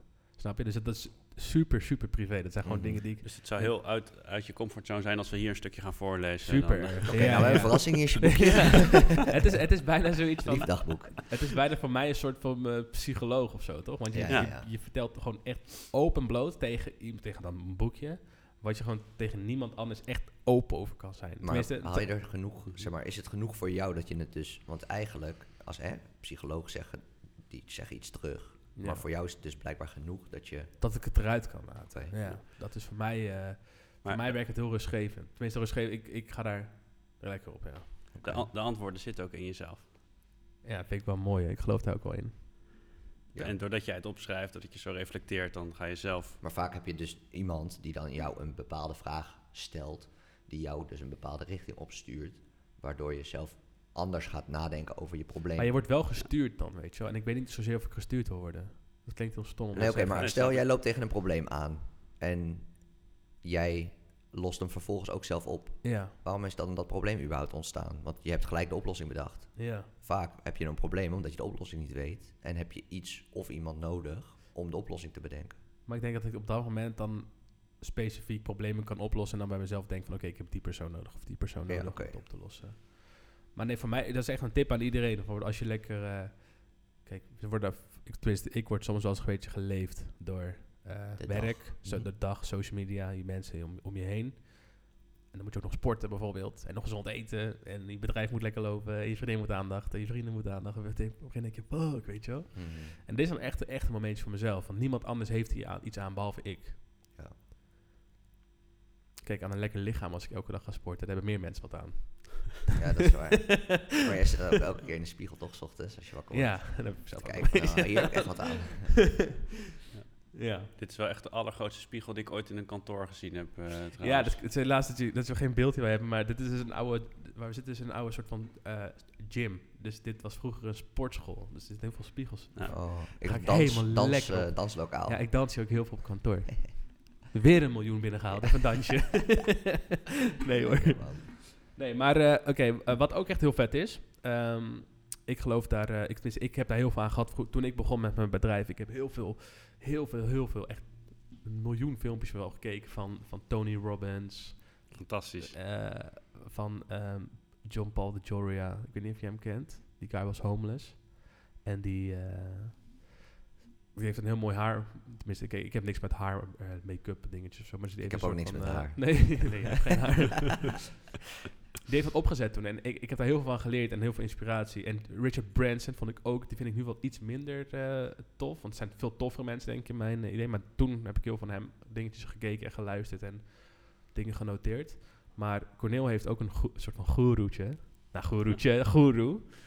En eh, ik zou er wel meer over willen weten. En ik denk de luisteraars ook. Nou, ja, ik, vind, ik vind het mooi wat je zegt. In die zin herken ik het heel erg. Ehm, eh, dat je inderdaad verschillende ehm, ja, voorbeelden eh, eh, gebruikt om, om van te leren. En soms eh, ja, ben je uitgeleerd van iemand. Of weet je wel, dan ga je gewoon verder naar, naar iemand anders. Zal blijven veranderen. Ja. Maar op, ja, als je daar een, een lijstje van zou maken, Michael Pilarczyk vind ik echt geniaal. Ja. Ehm, ook wel een beetje op wat jij net zegt, hè, dat reflecteren in zo'n, in zo'n dagboek elke dag. Ja. Hij is heel erg op meditatie natuurlijk ook. Maar, ehm, en ja, op dit moment Dan Peña, De held. eh, de held. Dat is, een, De- dat is een guy van 80 of zo, toch? Hoe oud is hij? Hij wordt eh, binnenkort 75 Ah, volgens mij. 75, ja. ja. Een oude gast wel. Een oude gast. En ze noemen hem ook wel de Trillion Dollar Man. Ja. Omdat ze zeggen dat alle eh, mensen die hij heeft gecoacht en eh, gementord... dat die nu bij elkaar eh, een waarde van eh, een trillion dollars eh, ehm, Ongelooflijk. hebben bereikt. Ja. En hij heeft zelf ook wel, dat is al 35 jaar geleden... maar onder andere een bedrijf naar de beurs gebracht... en 450 miljoen uitgecashed. Voor zichzelf. Eh, voor zichzelf, ja. Dus ehm, Dat is wel leuk. hij weet wel en- wat hij doet, ja. Ja. het is wel grappig hoeveel... ehm, je hebt tegenwoordig heel veel coaches en eh, mensen die het allemaal weten. Ja. Alleen dan vind ik het altijd een interessante vraag... zou je met die mensen van positie willen willen ruilen... ruilen? op het, Nope. op, op het stuk eh, waar ze over lesgeven? Ja. En Nou, niet eh, dus. dat is vaak niet zo. Nee. Mhm. Ik vond het ook mooi. We waren bij AFAS met z'n allen. En toen was de eigenaar van AFAS, die zei van... Ja, ik krijg heel vaak mailtjes van, van, van coaches. Hè, die mijn business willen, mijn business coaches. Van, hey, eh, dag Bas van AFAS, ik wil graag jou gaan coachen. En eh, die mensen dan gespecialiseerd in het coachen van CEO's. En dan stuurt hij terug van... Oh, wat vet dat je gespecialiseerd bent in het coachen van CEO. Ben je zelf al CEO geweest bij een bedrijf? En dan reageren ze terug van... Nee, nee, dat niet. Maar ik coach je wel. Zeg Bas, Ja. nou, de groeten. Ja. een soort van, ja, wat Ja. weet jij? Ja. Ja, maar dat is ook echt een geniale vent sowieso. Dat hij gewoon een standaard mailtje heeft voor afwijzing van... ik kom niet naar je bruiloft, ik kom niet naar je begrafenis, ik kom niet naar je feestje. Ja. Eh, En van alles had hij een eh, standaard, heeft hij een standaard mail, ja. Ja. Wat een leuke Dus, fan is eh, dat, ja. Tijdsefficiëntie. Heel eh, grappig. Was, zijn, was wel zijn ding tijdens dat AFAS. eh, Ja, ook, ik vond het een gouden tip ook. eh volgens mij hebben we sowieso alle drie daar heel WhatsApp, hè? praktische dingen... Ja, precies. Uitgehaald, maar dat je gewoon je chats op WhatsApp gewoon kan archiveren. Waardoor je gewoon niet altijd nog 80 van die dingen daar hebt staan en zo. Ik ging net een WhatsAppje Dit is wel heel toevallig. Ja. Ja. Ja, al die meldingen uit, dat had ik eigenlijk al. Ja. Ehm, ja, dat helpt ook wel gewoon om om te Notificaties uit. Ja, Hij, eh, hij kwam ook met eh, zet Ja. al je nieuws eh, Ja. nieuws-apps eraf, Ja. eruit. Hij zei, eh, dat vond ik wel tof. En ik heb dat nog steeds. Ik kijk ook geen journaal en zo. Nee, ook hem, niet, man. dus- Nee, Dit is zo niet. grappig. En hij heeft dus gezegd, tijdens, eh, tijdens, de- dat, wat, tijdens die lezing die hij gaf, zei hij van... joh, ehm, als er iets heel belangrijks gebeurt, dan hoor je het dus vanzelf wel. ja. En als je het niet hoort, dan is het dus blijkbaar niet belangrijk genoeg. Nee. Ah, dat vond ik zo tof. ja, man. En, en ik leef daarop. Eigenlijk, en, en soms denk ik wel van, oké, dat had ik wel iets eerder willen horen. Zoals bijvoorbeeld bij die bosbranden in eh, Australië. Dat weet, wist ik echt te laat pas. Ik ook. Ik kwam echt super laat dat, achter. Precies. Er, er kwamen mensen op kantoor. Erg. Dat is al vaak als, je, als een klant komt of hè, dan Ja, praat je precies. pot. Nou, hè, erg hè, die bosbrand in Australië. En dan zeg ik van, ja. eh, eh, Wat? wat dan? Bosbrand. Ja man, heel Australië is in de fik. What the Ja, fuck? maar, maar dan hoor je het dus ook. Ja. Dus je hoort het wel. Tuurlijk. Alleen ik dacht wel van, oké, het is dus al zo lang aan de gang. Mijn achtertuin al bijna in de fik kunnen staan, bij wijze van spreken. zo lang heb ik niks gehoord, weet je wel. Dat vond ik, ik vond het wel eens erg, omdat ik dacht, ja, ik had misschien willen doneren of dat soort dingen. Maar Kan nog steeds. ja, nee, nee, nee, tuurlijk, tuurlijk. Maar ik, ik dacht gewoon, ja, dat is wel lang. Maar Ja. voor de rest, ik heb echt nog nooit eh, nieuws gehad waarvan ik dacht, Nee. oh shit, dat heb ik gemist. Nee, het is allemaal bullshit. En ondertussen geeft het je wel echt heel veel onrust op de Ja, achtergrond. Je, je neemt het allemaal in je op. Ja. Je bent ermee bezig. Het prikkels. is echt, Maar ik heb daar ook een theorie over, want het, het nieuws, het elke keer kijken opnieuw wat er, wat er is, weet je wel. Want je kon, dat is sowieso dat fear of missing out, dat is een sowieso groot, hoogte groot zijn. punt. Ja. Maar ehm, er is een boek over geschreven, Hooked heet dat, H-O-O-K-E-D. En dat gaat ook over waarom Instagram zo succesvol is geworden en waarom Facebook zo succesvol is. Is dat elke keer als jij gaat, gaat, ehm, gaat refreshen, dus elke Je keer als je Instagram refresh, krijg je iets nieuws, word jij beloond. Dus die, Ja. die re- reward, zeg Ja. maar, de, de beloning, is ook elke keer variabel. Je weet niet wat het is. Ja. Het is een foto of het is een video of het is een nieuwsartikel. Je weet niet wat het is. Je bent benieuwd naar wat dat is. Dus je blijft constant gaan, Ja. gaan refreshen. Spin the zeg wheel. maar. Ja, je spin the wheel. En, en dat is dus precies wat nieuws. Gruwelijk, hè? Maar ik vind het nieuws- een supergoed idee gewoon. Dat je dat dus... Want het is gewoon puur psychologie. Ja. Gewoon checken wat mensen belangrijk vinden. En daar Ja. hebben ze dus gewoon iets gemaakt. En dat zorgt er dus voor dat mensen alleen maar denken... Oké, ik moet refreshen. Ja. Iedereen wordt een robotje. Ja. Want als je nu zeg maar... En ik heb dan geen Instagram meer... Omdat ik dus ook dat kwijt wilde. Maar ehm, als je dus nu... Iedereen die Instagram heeft... Je moet voor jezelf bedenken... Dat je elke vijf minuten dat je geen reet te doen hebt... Ja. Pak je je telefoon. binnen de minuut Doe je. Instagram Bizar. open. En niet eens om, ehm, om eh, het op te zoeken of zo. Maar gewoon mensen die naast me in de auto zitten, ja, die, man. die, Ja. die, pakken hun sick. telefoon en drukken op Instagram. En vervolgens kijken ze me aan. Zij zeggen, wat ging ik ook weer doen? En dan hebben ze Instagram dus gewoon al open. Ja, terwijl ze gewoon naar hun telefoon, naar een sms'je of zo moeten. Maar ze gaan Ja, meteen in. Ja, ja. dat is zo en gewoon vergeten wat ze moesten doen, weet je wel. Dat is zo bizar, ja. Maar, maar elke, elke, social, elke social media platform heeft dat. TikTok heeft dat ook precies hetzelfde. Ook swipen naar beneden en er komt weer een, een Ja. variabele verrassing, zeg maar. Ja. Ehm, het is super, het is echt heel interessant inderdaad. Maar hoe is dat voor jou dan, Onnik? Want het is voor jou natuurlijk ook een beetje deel van je, van je werk, zeg maar. Het hoort Ja. bij je... Maar ik, eh, Papijn en ik hebben volgens mij allebei alle socials van de telefoon eh, afgegooid. Ja, ik heb dan, ik heb dan, eh, ik wil sowieso op de hoogte zijn van nieuwe social, social media platformen. Dus ik heb TikTok wel gedownload. Ik moet gewoon wel weten wat het is, weet je. Ik wil er gewoon bijblijven. Dat vind ik interessant. Mhm. Om te En- weten wat het is, om moet je trouwens weten- twee podcast eerder nog even terugluisteren. Dan ja, zeker. Je hebt hem geluisterd. lekker, ouwe, lekker. Shout-out. Nee, ehm, ik heb dus ehm, wel Instagram. Maar ook echt omdat het voor mij business oplevert. Eigenlijk. Voor jou zit het een beetje in elkaar verweven, hè? Ik Ja. probeer het echt mega te scheiden. Dus niemand die mijn Instagram opent, of, of althans mijn match Instagram opent, die Ja. ziet mij. Want ik ben gewoon niet zichtbaar daar. Ja, klopt. Dat wil ik ook heel graag zo houden. En jij bent eigenlijk foto. wel gewoon, jouw bedrijf is jij, snap je? Ja. Dat is wel, en daarom denk ik dat het voor jou ook wel belangrijk is dat je privé Instagram hebt. ja, ja. en merk ik vind blijft het- bouwen. ik- Ja. Wat zei je? Je eigen persoonlijke Ja, merk blijft eigenlijk, bouwen. het klinkt heel stom of zo, maar je bent wel een beetje bezig met een personal brand. Als ik, Mhm. een, als ik een klant mee, bijvoorbeeld nu ook met, met Greenmeister bijvoorbeeld, en ja, ik heb best wel een bijzondere naam, dan gaan ze dat googlen, dan komen ze op mijn Instagram uit. En ik, ik ben daar wel erg mee bezig. Ik, ik ga niet met een blote reet op Instagram staan, omdat ik weet van, ik heb zo'n bijzondere naam, mensen kunnen me googlen, mensen gaan me ook sowieso googlen. Ik google altijd iedereen trouwens, met wie ik een afspraak Ja. heb. Ik wil gewoon Mhm. een beetje weten met wie ik aan tafel zit. Je hebt wel eens een foto trouwens dat je in zo'n zwembad springt. Ja. Staat die niet ook op Instagram? Nee, Ja, dat is niet op Instagram. Ah, Die, staat, die hebben we uitgeprint, die stond Ah, op kantoor. Oh ja, ja, ja. ja. Sta ik Oh. inderdaad in mijn blote reet springen zwembad in. Oh, ja. Dat is wel... eh, En nu doe je in je blote reden podcast, maar ook Ja. niemand.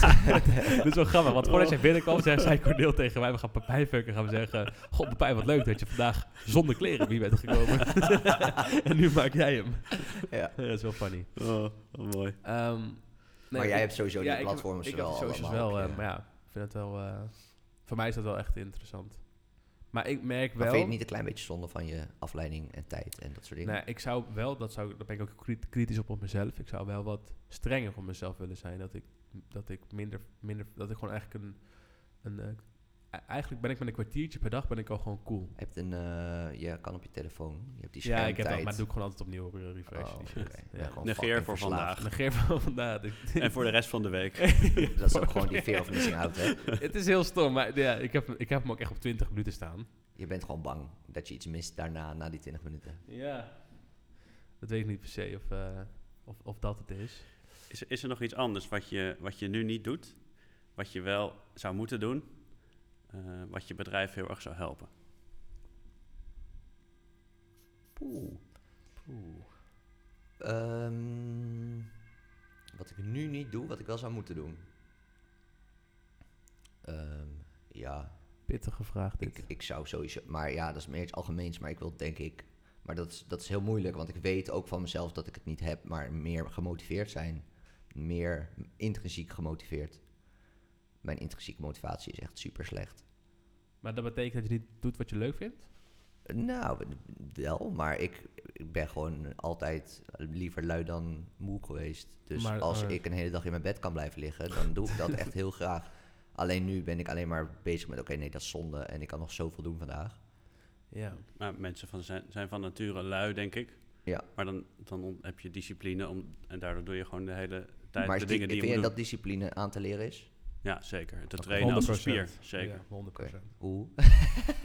Hoe? Leer door, je- mij. Door, door jezelf continu te dwingen om de dingen te doen. Maar Ja, dat door- is toch juist motivatie? Nee, het is, het is, ik heb een keer ook een, een dingetje over gezien. Het begint bijvoorbeeld, discipline is eigenlijk een soort van je constant jezelf dwingen iets te doen waar je uiteindelijk later profijt van hebt. En dat Ja. begint dus 's ochtends vroeg met het opmaken van je bed. Ja. Als je dat al elke ochtend doet, Mhm.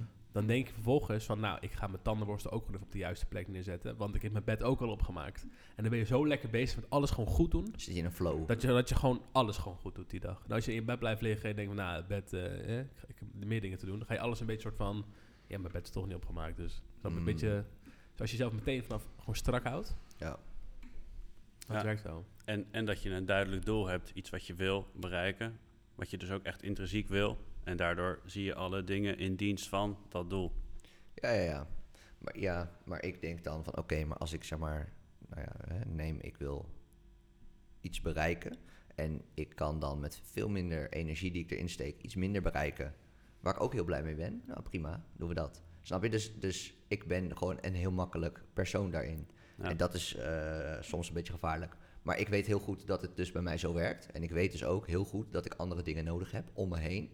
Dus ik bouw gewoon zekerheid in. Dus ik heb bijvoorbeeld voor de komende nou, drie, vier weken... eh, bijna alle dagen om negen uur mijn eerste afspraak ingepland. Mooi. Zodat ik weet dat ik gewoon standaard aan het werk ben. Dus, en ik zorg ook dat ik altijd iemand op kantoor heb zitten. Ik heb liever niet dat mensen op mijn kantoor allemaal tegelijk vrij zijn. Want als ik in mijn eentje op kantoor zit, dan vind ik echt gereed aan. En dan ga ik liever naar huis. Dus ondanks dat ik ook wel weet dat als ik op kantoor blijf, dat het bijdraagt aan meer succes en beter resultaat. Dan denk ik, ja, Het doen nou is ja, een tweede, vind- dit vind ik een beetje saai. Dus dan ga ik lekker naar huis. En boeien dat ik dan die dag minder verdien of, of dat resultaat niet haal, snap je? Ik vind wel de uren dat zeg maar personeel al naar huis is en dat je dan nog op Die kantoor lekker. Dat is die lekkerst, hè? alle productief. Oh, Ja, ik ja, ga je ja. wel eens op zaterdag of Zo, zondag, ik ga wel eens op lekker. zaterdag of zondag hier zitten. Man, dan ram ik er ja, uit. achter elkaar. Ja. En niet gebeld worden. Ja, nee, Oh. nee, nee, Ja, dat is ook heerlijk. ja. Maar je moet wel iets hebben waar je dan mee aan de slag kan. Dus gewoon een stuk dat je gaat schrijven of eh analyse die je gaat maken Ja. of zo. Maar het is ook een beetje jezelf helpen. Dus om zo. eh, eh, ik, en, en ik denk dat dat uitzetten van die notificatie op die telefoon is een van die dingen. Ja. Waarmee je dus ook jezelf gewoon helpt. Het is super moeilijk namelijk om. Ja, als er iets. Je bent nu iets saais aan het doen. Of iets wat je gewoon moet doen. En er komt iets binnen op je telefoon. Dan is dat altijd interessanter. Want het is iets nieuws. En Ik snap, is- ik snap sowieso ook niet dat mensen het aan hebben staan. Nee, je krijgt een geluidje. dus Je bent iets productiefs aan het doen. letterlijk... En dan komt er een geluidje van een, van een mailtje van een nieuwsbrief. Ja, maar ook al is het niet interessant, ook, ook als het wel interessant, ook als het niet Ja. interessant, het maakt niet uit. Je wordt afgeleid van wat je mee bezig bent. Ja. Het is Ja. zo super dom. Ja. Ik heb alles uitstaan, alle notificaties. Ik niet, mijn mail niet.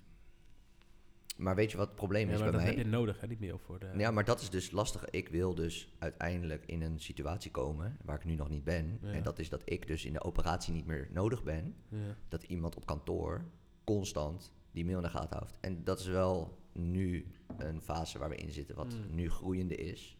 En vanaf april komt er een tweede bij op kantoor. En dan kunnen zij gewoon met z'n tweeën die constante, urgente stroom van informatie oppakken. En, dan dan hoef kan ik je- dat niet meer te doen. En, en dan kan ik het uitzetten. En in je bed blijven liggen de hele dag. Precies. Nee, nee, nee, nee, maar ik ga dan, eh, ik ga, dan kan ik eindelijk stukken gaan schrijven en, en bezig met strategie en doelen en plannen. Want ik heb het echt al best wel lang op mijn takenlijst staan van oké, daar moet ik mee aan de slag op het moment dat ik mijn urgente taken ehm, kwijt ben. Mhm. Maar hè, ik, volgens mij heb ik dat vast met jullie ook wel een keer. eh, dat is dat Q4-model. Je hebt Q1, dat is wel urgent, wel belangrijk. Ja, ja, ja. Je hebt Q2, niet urgent, wel belangrijk. Q3, ehm, niet urgent. Even denken. Niet urgent, niet Eh, belangrijk. Nee, nee, nee, dat is Q4. Ja. Alle twee niet, zeg maar. Wel urgent, niet belangrijk. Ja, precies. Dat is drie. poepen. Dat is, nee, nee, nee. Oh ja, of eh, Facebook-notificatie of zo. Dat is heel urgent, want je krijgt gelijk een notificatie. Ja. Maar het is niet belangrijk, want het draagt niet bij. Ja. En een appje van je moeder of je thuis eet, dat is niet belangrijk en niet urgent. Weet je wel, van nou, dat komt wel en boeit me geen reet. Nou, dat is bij mij Q1 hoor. Ja. Vindt zij. Wel belangrijk Vindt zij. en wel eh, urgent. Nee, maar ik zit nu heel erg in die Q1. Heel erg in wel urgent en belangrijk. Dus je bent constant, je wordt geleefd dan. Ja, Je bent Nee, nee, constant, ben jij aan het... Brand aan blussen. Ja. Ja, Je bent, dus loopt- bezig maar je loopt ook dan een beetje achter de feiten aan, ja eigenlijk. klopt. Dat is ook wat in de afgelopen jaar wel gebeurd is bij ons. En dat, dat is niet dat erg. Is een kut, dat, ik zou- vind dat een kutgevoel. Ja, maar dat is ook de fase waarin je zit, toch? Ja, maar Dus- ik, vind dat, ik vind dat wel echt vreselijk. Als, Is ik, als ik het idee Ja. heb dat ik achter, constant achter feiten aanloop, heb ik een kutdag gehad. Is het ook? Ja. Is Ik het ook? wil, ik wil zelf namelijk bepalen wat ik ga doen. Ik wil niet dat... Maar soms is er een situatie die je gewoon eerst moet opruimen. om- Exact. ja. Het is een investering. En dat is, ja, je kan investeren in, in geld, maar je kan ook investeren in eh, een situatie. En ik weet dat deze situatie op deze manier nu zo is. Want als Ja. ik dit zo doe, kan ik een buffer opbouwen om uiteindelijk dus vanaf komend jaar, of dit jaar trouwens, april, weer iemand eh, bij Ja. te zetten. En dan kunnen die het met z'n twee oppakken. En dan kan ik volle bak op die Q2.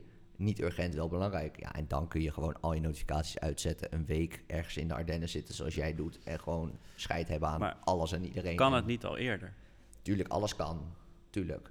Maar dat is dus een stukje wat jij ook net zegt. ehm, dat je, eh, eh, je hebt meer wat je tevreden wil houden. Ja. En ik wil niet dat mijn... eh, mijn leven staat al genoeg in het teken van mijn bedrijf. Mhm. En ik vind dat daar een max aan zit. Omdat als het meer wordt, dan vind ik het niet meer leuk genoeg. Nee. Want dan vind ik dat het me opslokt en dat het... ehm, dan word ik mijn bedrijf. En dat is Mhm. niet wat ik uiteindelijk wil. Ja. Dus ik ehm, zie zeg maar nu, in het afgelopen jaar heb ik gezien, oké, ik besteed dan, weet ik veel, 75 of 80 urige we- werkweken, gewoon echt volle bak aan werk. Ja. Ja. dan ga ik ook niet nog die 30 uur die ik nog over heb in de week of 20, ehm, waarin ik nog net eventjes tv kan kijken of eh, weet ik veel wat ik ga doen, even bellen met iemand die ertoe doet. Ja. Dan ga ik niet die tijd ook nog eh, gebruiken om even in de Ardennen te zitten. Maar het is een keuze, hè? Want de een zegt dat vind ik prima en de ander zegt dat doe ik niet. Nou, ik heb gezegd dat doe ik niet. En ik ga dat dus liever voor 2020 doen. Snap ik wel. Wel nice. Dat is mijn keuze. Want ja, weet je, anders ga ik gewoon ook, eh, weet ik veel, familie, vrienden en eh, dat ga ik allemaal, ja, weet ik veel, achterlaten Mhm. om het resultaat te behalen wat je dan uiteindelijk wil behalen. Stomme vraag misschien. Eh, is dat erg? Dat is de keuze. Ja. Hè? Voor jou is het misschien niet erg. Ik vind het heel erg. Ja, precies. En daarom doe ik het niet. Want als ik het niet erg had gevonden, had, Ja. ik, het, had ik het anders aangepakt. Want ik, ik heb de keuze gemaakt om niet meer te doen wat ik niet wil doen. Dus ik ga niet naar een verjaardag van iemand die me geen niet boeit. Nee, En ik ga niet naar... eh, Q4'tjes. niet urgent, niet belangrijk. nee, maar heel veel mensen zeggen, ja, maar dat kan je toch niet maken en zo. Ja, Dan denk ik, Moet je ja, eens nou en? opletten. Watch me. Ja, prima dat mijn oma 94 is. Maar als ik geen zin heb om te gaan en het Ja. kan haar laatste verjaardag zijn, ja, dan is dat mijn keuze. Ja. En, en ik wil geen dingen doen waar ik me niet meer Helemaal lekker bij voel precies. of waar ik me niet 100% voor in wil zetten. Maar Ja. als, en dat is dus ook die laatste 20 uur van werk. Dus Ja. dan zeg jij, is dat erg? Ja, eh, misschien is het niet erg, maar Ik heb nog wel een andere vraag voor, voor Cornelia. Ah. Jij hebt, je bent naar Dan Peña geweest in Londen. Je bent daar net terug, geloof ik, een weekje Mhm. of zo. Ja. Ten eerste, hoe duur is dat ticket? En ten tweede, eh, want ik, ik hoor wel eens bedragen van, van dat soort eh, events. Dan gaan tickets gaan echt rond de 50.000 zo. nee joh, nee ja. Tony, Tony Roberts, als je eerste Oh, rij zo- wil zitten, Ja, ja, klopt. 100.000 euro kwijt. Ja, dat klopt. Tony Robbins is dan misschien ook wel het meest extreme voorbeeld, denk Ja. ik. Allergrootste, eh, in ieder geval, ja, ja. qua volgers in ieder geval grootste business coach van Amerika. Ehm, nou ja, Dan Peña heeft eigenlijk, eh, doet eigenlijk normaal maar één ding en dat is die, die castle seminars. Dus hij woont ook echt op een kasteel eh, in Schotland. Mhm. En daar eh, kan je dan een week naartoe. En dan gaat hij QLA leren. Dat is eigenlijk zijn, ja, zijn methode, Quantum Leap Advantage. Mhm. Maar dat kost voor mij wel ja, 20, 20, 25.000 euro.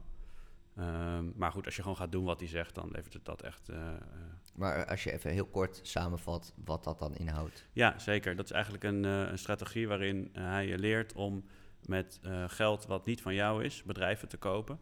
Eh, en dat eh, ja, of samen te voegen of in ieder geval onder een paraplu te hangen en dat dan weer te verkopen. Oké. Dus eigenlijk een, een roll-up of een eh, eh, ja, ja, overname-strategie.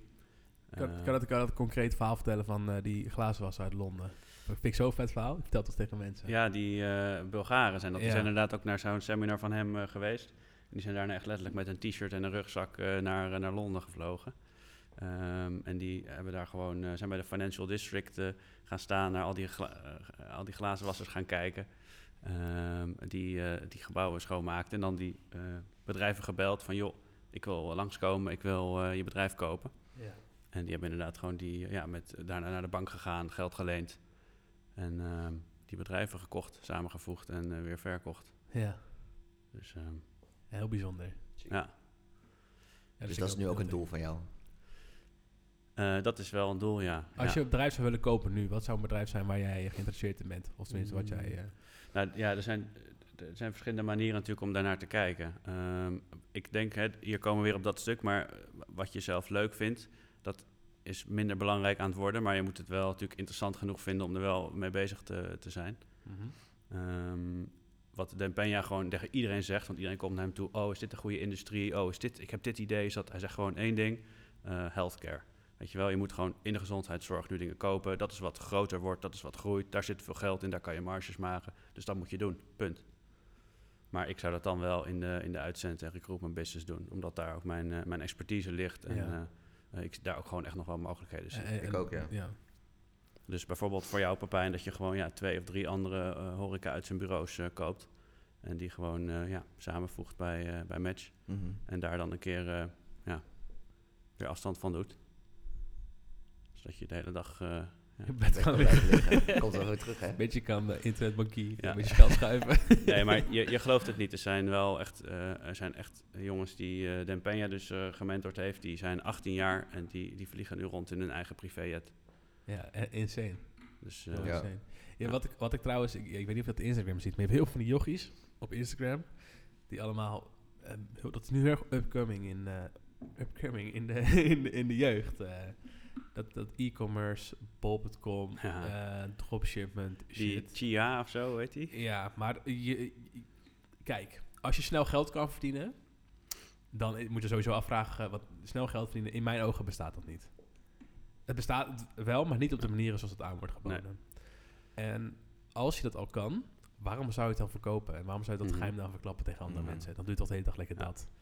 Het zijn een aantal dingen, denk ik, Is die dat, daarbij... is dat, is dat, eh, dat eh, eh, met die olievlek, zeg maar? Dus dat dat zeg maar steeds verkocht wordt aan Piramidesysteem bedoel je? Ja, Ja, dat. Nee, het is niet een piramidesysteem. Dropshipping. Dropshipping. Het is meer Ja. een soort van, je kan op bol.com een soort van leverancier worden. Oh, ja, en je. Gaat, je hebt dan gewoon een groothandel, je maakt een koppelingetje en je zet dan eigenlijk producten op bol.com constant automa en automatisch. Maar dat heeft Bob.com toch puur gedaan omdat zij marktaandeel gingen verliezen. 100%. Ja, precies. En dat zijn ze nu heel erg aan het stimuleren ook. Ja, je kan, wat, je kan bijvoorbeeld 10.000 euro omzet maken elke maand mee. Ja. 8.000 euro kosten, nou twee over, helemaal goed. Maar nu verkopen ze dus trainingen voor Om daar 2000 goed in te om daar goed in te worden. Ja. En dat, dat is een beetje zoiets van, kijk, snap je dat? Ik, ik heb er altijd een beetje moeite mee. Want als je zo'n Dan Peña bent en je gaat helemaal lekker en je hebt gewoon een goede track record, dan snap ik dat je daar je geld aan uitgeeft. Maar iedereen is nu een beetje een soort van dat aan het doen. En, Ja. en iedereen moet ook doen wat hij wil, weet je wel. Maar het is voor mij komt dat een beetje smerig over. Ik vind dat een beetje, Ja. een beetje smerige handel altijd. Ja, zo. ik denk Ja. dat het wel kan werken. Eh, alleen ook dan weer, eh, dat, ja, ik denk die, die dingen gelden gewoon altijd. Je moet er dan gewoon voor duizend procent ingaan, vol gas, vol focus en er alles over willen leren, op je weg willen gaan, heel veel geld in willen investeren. En de indruk die je misschien krijgt door die YouTube-filmpjes van, joh, dit kan je een paar uurtjes per week ernaast doen en dan kan je gewoon ook heel veel geld daarmee Ja, verdienen. En dat is, dragen. dat, dat is gewoon echt niet waar. nee. Ehm, Maar daarom is het, het is dus niet snel geld. Ik heb wel, ik heb maatjes ook wel die dat gedaan hebben. Er zijn wel grappige dingen over, want ehm, die, je gaat dan bijvoorbeeld dus producten verkopen op bol.com en die koop je dan in op AliExpress of weet Mhm. ik veel, die hou je ergens vandaan. En, ehm, maar goed, je bent natuurlijk niet de enige die dat op AliExpress kan kopen. Dus jij biedt iets aan voor 20 euro en dan komt iemand anders en die gaat dat voor 19 euro ook op bol.com aanbieden. Maar je hebt net die voorraad ingekocht, je hebt dat thuis liggen, dus ja, je moet er vanaf. Anders dan Ja. Ehm, en wat bijvoorbeeld zo'n andere partij dan doet, die koopt gewoon eh, die, ja, die koopt al jouw voorraad. Dus je denkt, oh chill, heel veel bestellingen, eh, heel goede omzet gedraaid. En dan op de laatste dag van de retourtermijn sturen ze je alles weer terug. Niet. En jij hebt in die tussentijd niets kunnen verkopen. Ehm, en zij wel. Dus het, eh, maar goed, maar dit is dan een van de 50 trucjes die dan in. Nederland alleen al, zeg maar. Hè? Oh, wat Maar ja, nogmaals, dat, dat, ja, ik, ik denk dat je er wel gewoon alsnog veel geld mee kan verdienen. Maar Je kan uiteindelijk met heel veel dingen heel veel geld verdienen. Ja. Alleen je moet het wel heel goed doen en je moet het leuk vinden, denk ik ook wel. Ja. Eh, want anders wil je er niet zoveel tijd en energie in steken. nee, toch? precies. Oké, nog, en nog een eh, leuk dingetje. Eh, ik heb altijd gebruik gemaakt van een mentor. Ja, Hoe doen jullie dat? Hebben jullie dat ook? Of? Cornel. Begin. Is, Zeker. is Cornel jouw mentor? Nee, nee, nee. Oh. Maar Cornel, eh, Cornel heeft wat, wat ik vind, dat Ja. hij- jij hebt daar een goede tactiek. Nou, misschien is tactiek niet Ja. goed woord, maar ehm, ik vind wel dat jij dat heel eh, gedegen aanpakt in ieder geval. Ja, dankjewel. Nou ja, ik, ik denk dat het, eh, eh, de, de theorie is dat je gewoon dat je een voorbeeld hebt. en dat, je, dat dat iemand is die is op een plek waar jij zou willen zijn. Die dingen heeft bereikt die jij bereikt zou willen hebben. En die gewoon dus ouder en, en meer ervaren is dan jij. Waar je gewoon heel veel van kan leren. Zodat je niet al die fouten en dingen die hij heeft gemaakt zelf hoeft te maken. Maar dat Ja. je gewoon... ehm, dus ja, daar... ehm, mag ik, ik heb echt twee mensen die eh, in de uitzendbranche echt, echt ontzettend succesvol eh, zijn. Ehm, en eh, ja, die spreek ik eh, beide nou, drie, vier keer per jaar dat we zeg maar, echt afspreken. En af en toe een appje of zo. Heel veel meer is ook niet nodig. Maar dan zo'n uur of twee uur met hun is zo ontzettend waardevol. ja, Ehm, zeker. Dat is gewoon, ja. En ook juist die momenten zorgen er denk ik voor, naast wat je van hun leert, dat je dus ook even stilstaat bij wat je dus gedaan hebt. Ja. Daarover gaat nadenken, er ook vragen over stelt, er Ja. antwoorden op krijgt. En dat je dan vervolgens weer verder kan. Dat is denk ik ook super waardevol. Zeker. En het grappige dan daar is ook weer altijd zo'n moment van... hé, hey, de vorige keer dat ik hier zat, had ik dit probleem... en dat leek echt fucking groot. En Ja. hoe de fuck ga ik dit nou weer oplossen? Ja. En dan ben je daar nu en eh, ja, dat is eigenlijk al lang gefixt. Daar denk je niet eens meer aan. Ja. De, de, zegt trouwens ook van 90% van de dingen waar je druk over maakt... die gaan gewoon nooit gebeuren. Mhm. Nooit. Dus, wel, geef eens een eh, voorbeeld. Eh goeie. Ja, Nou, weet ik veel, bijvoorbeeld dat je denkt dat je failliet gaat of zo. Daar kun je druk over maken. Maar dat, dat, dat is ook iets wat, als je Ja. gewoon je best doet en je het vindt het leuk, dan hoe groot is de kans dat dat, dat gebeurt? Ja. Snap je? nou ja, je moet er wel gewoon op vertrouwen... dat je zelf ook gewoon alles aan doet om dat dan te voorkomen. Vertrouwen in jezelf dus, hebben. Dus al- als zo'n situatie komt dat je bijvoorbeeld een maand je kosten hoger zijn en eh, bepaalde bedrijven betalen niet en je hebt net veel geïnvesteerd en gegroeid, dat je dan ja, stappen gaat, gaat nemen om, eh, om dit te voorkomen. En te Ja. zorgen dat je of kan overbruggen of een grote Ja. nieuwe klant hebt. Of, eh, Ja. Tuurlijk. Maar ja, uiteindelijk eh, denk ik wel dat het klopt. Ik denk dat je een soort van twee, drie mensen om je heen moet hebben die ergens, bijvoorbeeld iemand die heel goed is in marketing, die wereld heel goed snapt. Eén iemand die heel goed is in finance. Eén iemand die heel goed is in legal shit. Ik heb dat, al, ik heb dat Dream altijd, team. altijd gehad. Echt een dreamteam om jezelf te creëren. Ja. Heb ik al, en daar, daar heb ik het meest van geleerd. Ik, ik heb één, ehm, één mentor, Laurens. Die is ook, dat is de mentor van mij en David allebei. Want we zaten bij elkaar op de, op de hogeschool. En elke week hadden we een call met Laurens. En elke maand gingen we even ergens ontbijten of lunch met hem. Of, eh, Ik spreek hem nog steeds elke week. ja, nou niet, ja ik, ik sport toevallig met hem samen. Dus dan, dan zie ik hem elke week.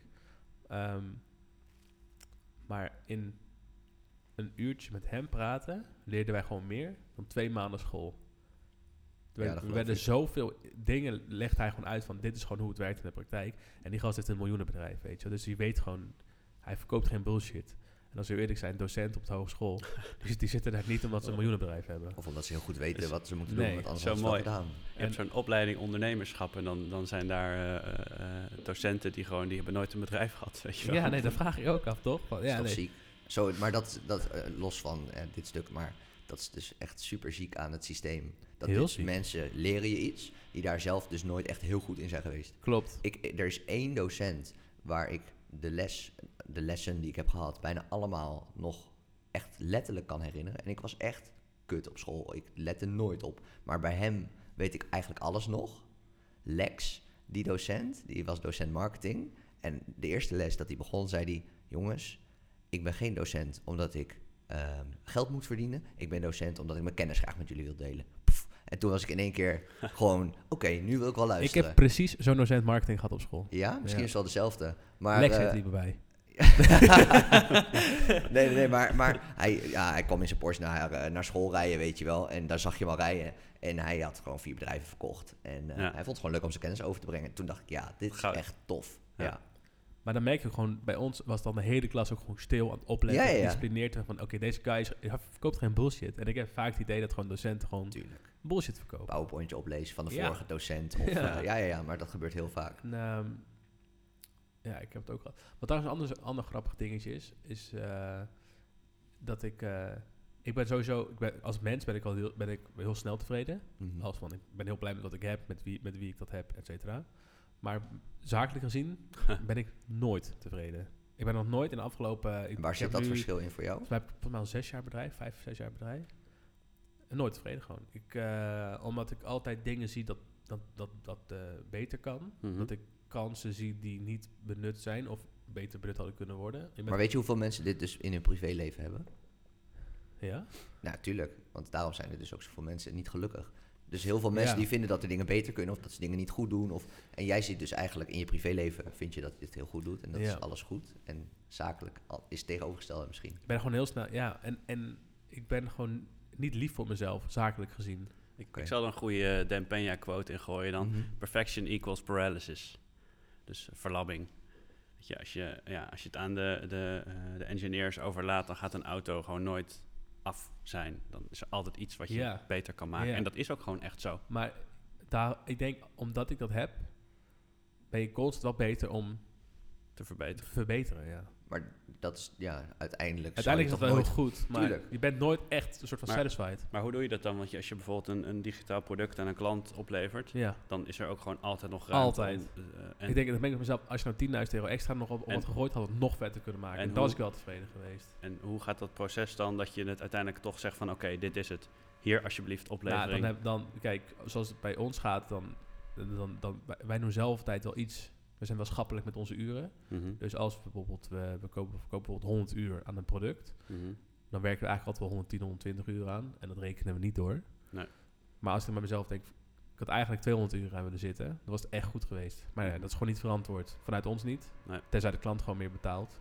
Maar dat is dan Maar vaak in de Kun je praktijk. dat dan niet beter verkopen nog? nou, in de praktijk zegt de klant gewoon, ik heb een budget meegekregen, dat is Ja. dit. Mhm, Ja. Die moet ik mezelf aan houden. En is het dat extra waard, zeg maar? Want als het voor 80% goed is, is het vaak gewoon ook gewoon heel goed. Voor de, kla- de klant is echt al meer dan tevreden. De klant is echt super blij met wat we, wat we dan... Maar ik zie zelf gewoon heel veel Mhm. verbeterpunten. Maar dat is gevaarlijk als je ergens heel goed in bent, toch? Je ziet toch altijd dan verbeterpunten die anderen eigenlijk bijna niet zien. Klopt. Is, goed, is ook heel goed, het is hè? heel goed, maar... Want als jij voor 75% tevreden bent, is iemand voor 110% tevreden. precies. Mhm. Dat, dat is wel wat het is. Maar het is grappig, is, ik merk nou bij mijn compagnon David, heb- merk ik dat ook. Dus dan zitten, we- want we gaan dan, eh, we gaan één keer, of soms twee keer per jaar, dan gaan we naar Griekenland met z'n tweeën, een soort van strategie-sessie. En dan zeggen we ook tegen elkaar van, dan hebben we af en toe zo'n momentje van, holy fuck, we- we zijn nu gewoon in Griekenland en we doen het supergoed. Ja. Dat is dan even 10 minuten en daarna zijn we meteen weer van, Aan het werk. dit, dit kan beter, dit kan beter. Dus we zijn wel heel erg een soort van, als je, het- het is meer van, je bent aan, het- aan het rennen en je denkt bij jezelf, we kunnen harder, ik kan nog harder rennen, ik kan nog betere schoenen, ik kan nog beter dit, ik kan nog beter dat. Maar als je dan even terugkijkt en denkt, holy shit, ik heb al 500 kilometer gerend, Mhm. weet je wel. Dat je, maar dat, daar, je- daar kijk je niet naar. Je Maar blijkbaar word je dus naar- niet moe en kun je nog verder rennen. Dus waarom zou je het niet doen dan? Precies. Weet je wel, en waarom kunnen we niet nog... Ja, dus dat is wel iets wat, wat... toch? Maar heb je daar last van? Ik heb er niet last van, maar het is af en toe wel irritant dat ik niet het gevoel heb dat ik tevreden... Dat je, dat je thuis eh, bijvoorbeeld kan zitten op de bank en denkt van... Ik heb het verdiend of zo. Van, oh, lekker. Ik ben altijd bezig van... Ik denk juist dat op het moment dat dat gebeurt, dat jij op de bank zit en je denkt, ik heb het verdiend, Ja. dat je dan stilstaat of juist Ja, achteruit gaat. En ook, dan ja. word je dus, ja, dan is je, ben je minder succesvol. Dat kan ook. Maar ik heb dan een tering qua mensen die dan naar me toe komen. Je gaat lekker met je bedrijf, gaat lekker, Ja, gaat heb ik lekker. ook echt tyfus hekel aan, ja. ja. Ja, heb jij dat ook? Ja. Dat, Flikker dat, op. dat, dat is hun standaard. niet lekker. Dat, dat is hun Standaard. zoveel Beter. Ja, ja, ja, ja, beter. Ja, ja. Ja, dan moet je een beetje met, eh, met mensen gaan. Ja, nee, gaat goed. Ja, leuk. En, eh, leuke klant? Ja, leuke klant. weet je. Ja. Ik Maar- vind ook altijd een man. kutgesprek. Het ja. mooiste is, dat hebben ook mensen die weer op een heel ander niveau zijn dan wij, hebben Ja. dat ook nog. In ieder geval die, eh, van die mentoren waar ik het over had, van één weet ik ook gewoon, ja, die zeggen gewoon van ja, leuk, maar we moeten gewoon nog zoveel 100 miljoen erbij. Weet je, dat is gewoon Ja. dus Misschien is dat juist wel het vuurtje of zo, toch? Dat, vuurtje. ik denk dat dat zorgt voor succes. Ja. Tuurlijk. Want waar de anderen bij 500 kilometer rennen stoppen en denken, wow, 500 kilometer gerend, weet je wat? Ik verdien een bounty en een kopje koffie. Denk jij, weet je wat? Ik, rond zeven, ik, ik ren nog vijf, ze- 500 kilometer erbij. Ja, maar ook dan ben ik niet tevreden. Nee, Dus nee, nee. 500 Maar je ligt, wel, je ligt wel twee keer zo ver voor Ja, op degene die met zijn koffie en zijn bounty op zijn reet zit. Dat is waar, ja. Ja. Mag, hè? Als, je, als jullie nou opnieuw zouden beginnen met de kennis die je nu al hebt, wat zou je dan anders doen? Eh, veel meer automatiseren. In het begin al. Ja. Ik vind het wel, ik eh, vind het wel een Asana. oneerlijke vraag. Asana. Ja, Meteen Asana Ja, gebruiken. ja, zou ik ook Ja. doen. Jullie allebei, hè? Zijn Ja. helemaal, ik ben echt nog gewoon van, het, eh, van een boekje, gewoon met de goed. harde to-do-list, elke is dag prima. herschrijven. Zodat je gewoon weet waar je prioriteit ligt. Dat heb ik ook wel, maar dat is omdat ik dus bijvoorbeeld s'avonds in bed denk, ik moet, oh ja, kut. Of ik word wakker midden in de nacht en denk, wow, dit is echt een fucking goed idee. Dan pak ik mijn telefoon en dan schrijf ik de volgende ochtend. Ja, wat? wat dacht ik? Eh, dagje shoppen. nee, nee, nee, maar ik, ik, ik vind het relaxed Rolex. omdat je hem altijd bij je hebt. Gewoon altijd. Ja. Als iemand vraagt, wat moet je nog doen vandaag, dan kan ik gelijk even kijken. Ja, Of- en je werkt ook gewoon lekker een lijstje af, toch? Je- Ja. Ja. En ik kan weer nieuwe dingen inzetten. Want ik herschrijf mijn lijstjes ook altijd. Hè? En dat is ook iets waar wij, ik denk, in het begin al best wel veel over hebben gehad. Ja. Ehm, maar volgens mij had jij zo'n stelregel die je me in de auto vertelde. En die, ik, ik maakt ook helemaal geen reet uit of het nou een uur is of een half uur of een kwartier. Maar ik heb nog steeds in mijn hoofd dat elke keer, volgens mij, verbeter me als ik het fout heb, maar het, het klopt in grote lijnen. Ehm, elke keer als je je lijstje met je to-do-list herschrijft en je besteedt een kwartier aan het herschrijven, Ja. dan ben je een half uur productiever op je dag.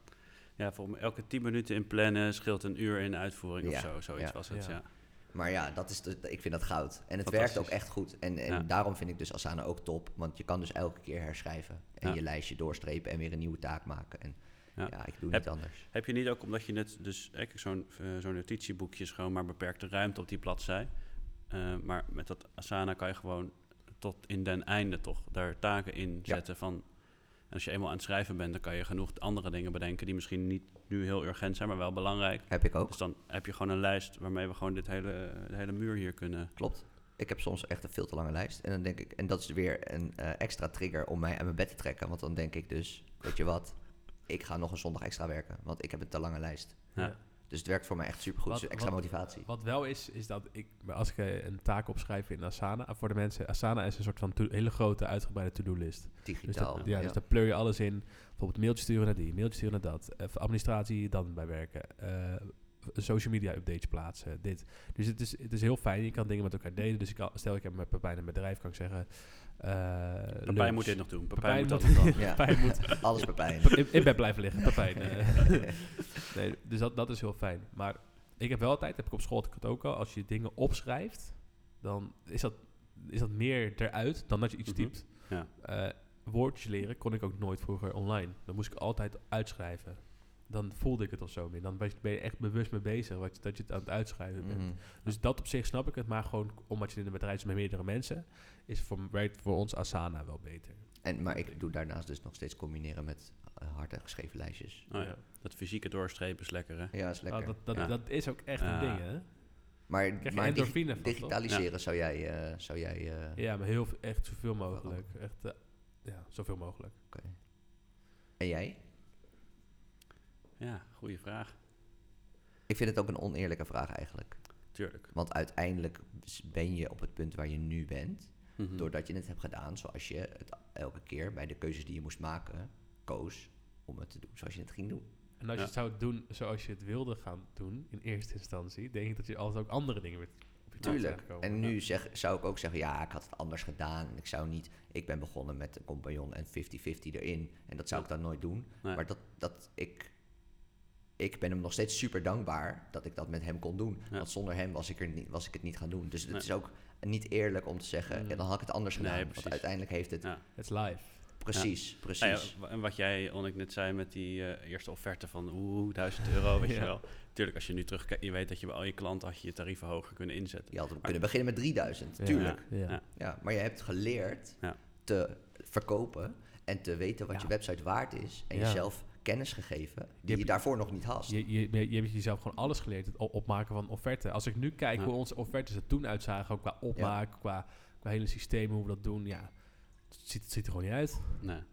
Weet je, maar ja, als je, dat, al- dat, je bent constant wel beter bezig met, oké, hoe kunnen we de offerte nog interessanter maken? Kijk, we hebben een keer een offerte opgevraagd bij een eh, soortgelijk bedrijf, en Mhm. die, die wel echt 20 jaar bezig zijn.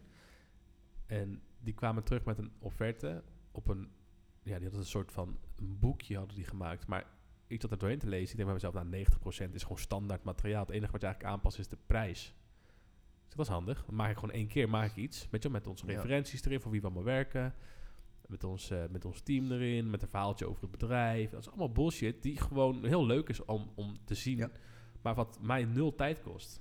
Het kost me één keer die, die, die shit maken. Het enige wat ik klanten doe is geeft de het een goed investeringen overzicht. Dus voor alle Pagina klanten van Onnik, die maatwerkofferte... dat is helemaal niet zo maatwerk hoor. Het is één pagina maatwerk Nee, en de rest is fucking standaard. Nee, we, we passen altijd een investeringsoverzicht aan. Dus gewoon wat, wat kost het. En dat deel ik wat op in development dit, design dit, eh projectmanagement dit, eh, testen, quality testing dit. En eh, dan kunnen ze ook vaak een beetje schrappen. Dan zeggen ze, nou, toen weet ik wel, offerte is bijvoorbeeld 13.000 euro. Mhm. Moet 10 worden. Dan zeg ik, nou, gaan we schrappen in uren. Ja. Moeten we minder tijd aan design besteden? Kan. Moeten we geen quality testing gaan doen? Kan. Maar ja, als dan een keer iets eh, kapot is, Ja. dan eh, moet je ook gewoon betalen. Ja. Het is niet getest. Ja. Dus dat soort dingen. Dus dan het is een heel groot, is ook meteen een soort van, eh, ja, dus daar krijg je wel heel veel goede feedback op. En vroeger was het gewoon een A4'tje, een Word document van, hoi, dit is de offerte, dit kost het. Het is toch mooi dat je jezelf constant ontwikkelt en Verbeterd. ja, Ja. ik vind het lachen. Ja, vind ik mooi. Ik moet ontzettend nodig plassen, jongens. Zet je me even op pauze? Ja. Kan het niet. ja, dat kan wel. We zijn zo bij je terug. Een reclamespot. Ja. And we're back. Ja. Koffie en gaan. We waren gewoon al uren en twintig minuten bezig. Het gaat snel, gaat snel als je het leuk hebt. Zo. Waar Ja, waren we man. gebleven?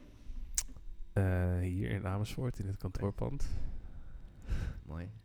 Noem even het adres, dan komen hier al je fangirls straks eh, langs. We zitten op de toren in uh, Helemaal Lieve Vrouw, bovenin. Lieve Vrouw, toch bovenin, kom maar langs. Ja. Stadsgenoten, toch meestal? Stadscafé? Stadscafé. Stad- ja. Stadscafé. We zitten in het Stadscafé nu, het is heel Ja. rustig. Ja. Ehm, nee, Corneel, dingen die fout gingen in het begin. Oh, Dat is een goed onderwerp. mooi, goede vraag. Leuk. Eh, leuk. Wat, wat, jij bent Ja. de enige, hoeveel personeel ben je nu? Eh, nu drie medewerkers en net een vierde aangenomen. Ja, hoe is dat? Want dat is, dat is wel echt anders. Kijk, eh, dat is wel echt anders dan dat je gewoon met jezelf en één medewerker, of Mhm. met z'n tweetjes, met drietjes, dat is wel echt eh, Zeker. serieus aan het worden, zeg maar. Het Ja. is natuurlijk super serieus, maar ik bedoel, het is heel anders lijkt me dat. Een andere functie Ja, ga je dan zeker. ook... Nou, en een- deel van dingen wat Papijn net ook zei, het is gewoon, eh, ik, vind, ik vind het goed om nog meer verantwoordelijkheid te hebben. Mhm. Zeg maar, dat geeft weer, nog weer een ander level van commitment. Ja. Ehm, ja, ook eh, eh, dat in het begin, ehm, het is nou ja, niet, niet eng, maar het is wennen om dingen los te laten. Zeg maar, dus processen liggen bij jou. En wat je net zei, je bent perfectionistisch, je wilt goed doen, het is jouw bedrijf. Ja. En dan ga je een proces of een deel van een proces en daarmee ook het resultaat in handen van iemand anders leggen. Dat gaat natuurlijk nooit in één keer goed. Eh, nou, soms wel, soms niet. Maar ja, je moet diegene ook de ruimte geven om gewoon op zijn bek te gaan. Met jou, eh, eh, in, jouw bedrijf. Met jouw geld eigenlijk ook. Mhm. Want Ja. daar leren ze weer van en daar wordt iedereen weer beter van. Dus dat zijn... Is dat moeilijk? eh, nee, vind ik nu niet. Voor je Maar het is, wel. maar het is wel wennen. Het is wel anders. We hebben het er nog over gehad, in het toch? begin heb je daar nog over gebeld. Van oké, hoe, dat- hoe doe jij dat dan? En eh, wel grappig.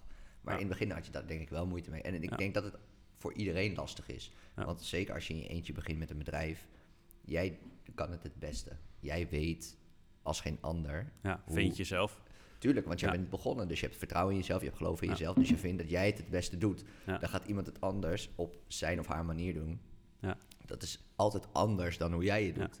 Ja, maar niet per se slechter of beter. soms. Nee, nee, nee, maar het is wel heel erg wennen. En dan moet je dus leren loslaten, wat je net zegt. Ja, dat en is uiteindelijk kunnen hele mooie dingen uitkomen. Nou ja, en eh, het, het, dat is vaak waar je dan niet aan denkt. hè, Van, oh shit, wat is diegene het verpest? Maar wat als diegene het nog beter doet dan jij? Ja. Dat is leuk, zo denk je meestal. die over. ja, nee, maar ja, dat, dat kan ook. Iemand kan daar gewoon nog beter in zijn. En ik ben denk ik heel, ik ben heel dankbaar dat, eh, ja, dat ik Hashtag zulke- dankbaar. hashtag dankbaar dat ik zo eh, gemotiveerde medewerkers heb die er zoveel zin in hebben. En die, Is het moeilijk om die te, te, te, te binden aan jezelf? Is het moeilijk om, zo, Mm. om die mensen te vinden die bij jouw bedrijf passen? Grappig, als, als ik dan nu zeg, nee, het is helemaal niet moeilijk om ze te binden en ze nemen morgen ontslag, maar... eh, nee, ja, nee, ik denk ook dat dat een bewuste keuze en strategie eh, moet zijn.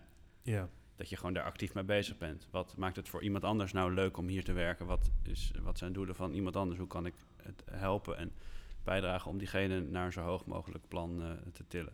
Ja. En daarin te faciliteren. En ja. Uiteindelijk dat ze voor je werken zegt dat, dat je dat op een goede manier doet, toch? ja, dat is een groot compliment Ja. altijd. Denk Ja. ik zeker. Ja. Want hoe is het voor jou dan, Onnik? Je, hebt, eh, eh, ja, je werkt met een eh, compagnon. Ja. En Pepijn zei al, ja, die eh, is, heeft er op een gegeven moment afscheid van genomen. Ja, dat is, ik denk dat je met, als je met een compagnon gaat samenwerken, voor mij werkt het heel goed. Ehm, Jullie zijn ook hele goede maatjes, toch? Ja. Ja. En wij, le- wij leren elkaar kennen op school. Dat is een heel grappig verhaal. Ik was namelijk eh één week of twee weken op het HBO. En er werd een klas gevormd met mensen die niet met z'n allen op kamp waren geweest. Want daarvoor kon je met z'n allen op schoolkamp, zeg maar. En eh, ja, ik had toen nog wel een beetje last van heimwee altijd. En ik dacht van ja, als ik dan daar ben, als het soort van 23-jarige, 22-jarige guy of zo, en ik heb heimwee, dat is super kut. Dus ik ben niet, niet op schoolkamp gegaan. En toen werd er dus een klas gevormd met allemaal mensen die niet, niet op kamp waren gegaan. Nou, daar zat ik dus in. Als enige gast uit Amersfoort. En op een gegeven moment komt, eh, komt David, komt, eh, na twee weken of zo, komt hij bij ons in de klas. Dan had hij toen pas, eh, zeg maar, zijn studie gefixt. Dus die kwam nog even bij ons aanhangen. En eh, ik zat toevallig in mijn eentje. Ik zei tegen hem, "Yo, kom hier zitten. Toen kwam hij naast me zitten. Toen zei, zei tegen hem, "Yo, waar kom je vandaan? Hij Amersfoort. Ik zei, "Huh, serieus? Ik ook. Nou, dan ben je vanaf nu mijn busmaatje, zei ik tegen hem. Dus we gingen gewoon elke dag met z'n tweeën, met tweeën bussen. En ehm, dus we zijn echt soort van... We liepen wat te filosoferen over bedrijf. Maar ik had gewoon mijn eigen bedrijf. Had toen, was toen net bezig met een eigen bedrijf opzetten in de evenementen toen nog. Dus dat was iets heel anders. Toen zaten we lekker te filosoferen en je leerde elkaar echt goed kennen op een hele relaxte manier. Toen zijn we vanaf dat moment- zijn we na een halfjaartje, jaartje of zo, zeiden we van, nou, laten we gewoon met z'n allen een, eh, een pandje gaan huren. En dan gewoon met die twee bedrijven daarin zitten. Dat we gewoon elke dag uit school gewoon lekker gaan werken hier. Dat hebben we toen gedaan. En leer dat het pand waar je Ja. hiervoor in zat? Ja? Ja. Nee, nee, nee, daarvoor zelfs. Oh. Dat was heel vet. Ja, dan moet je... Kijk, je hebt dan... Op dat moment heb je gewoon geen geld voor, voor een pand. Dan moet je gewoon creatief zijn. Ja. Dus gingen we anti-kraak zitten. Wat, eh, wat ik echt kan aanraden als je een startend bedrijf bent. Van ja, het is wel echt... Een, een, een kantoor voegt wel iets toe, in mijn ogen. Ja, Het zeker. kost natuurlijk ook elke maand geld. Maar ik denk wel dat het oplevert. Mhm. En, ehm, maar we werkten toen nog niet echt samen. Maar we zaten wel met, met de bureaus tegen elkaar aan. Dus we, we, we leerden elkaar... Voetje vrijen. Een beetje voetje vrijen, een beetje eh, andere dingen doen. en eh, ja, op een gegeven moment is dat allemaal zo gelopen dat je dan opdrachten samen gaat doen. Nee, laten we het samen oppakken. En dan opmerkt, hey, je, hebt, je hebt een goede werkmentaliteit. Matcht wel heel lekker. Toen, eh, uiteindelijk zijn we samen gegaan. En, dus je bent, je bent eigenlijk, je bent niet, Hadden echt- jullie toen al het idee om Oxygen te beginnen? ja, Ja, precies. Ja. je bent niet samen gegaan, zeg maar. We zijn niet samen gegaan met het idee van, hey, jij, kan, jij hebt een skill en ik heb een skill. Laten we samen die skills gaan uitvoeren Mhm. onder één dak. Maar het is echt het idee van, oké, jij hebt een visie waar ik in geloof. eh, en andersom, zeg maar, we geloven in elkaars ideeën. We vinden elkaar echt de chillste gasten die er zijn. Echt gewoon een beetje broertjes. Mhm. En vanaf dat moment zijn we gaan nadenken pas van hoe kunnen we dat concreet gaan maken in een bedrijf. Dus dat is een hele andere manier. Maar voor mij werkt dat heel goed. Want ik heb altijd iemand nodig om even mee te sparren. Elke dag. Ik heb met jullie kan ik heel fijn sparren. Maar ik heb elke dag heb ik iemand nodig om Mhm. even na werk. Heb ik de hele dag met David op kantoor gezeten. Zitten we in de auto, gaan we elkaar bellen. Snap je? Dus dat is, dat is heel grappig. En ook het weekend, weet je, gaan we elkaar gewoon bellen. Gaan we gewoon... En het is, als, hij, als David mij belt, is het dus nooit dat ik denk van... Oh, het is altijd van... Altijd opnemen. Altijd, Ja. ik, ik vind het altijd leuk. Zeg maar, altijd, ook als de, hebben we soms een beetje kutnieuws of whatever.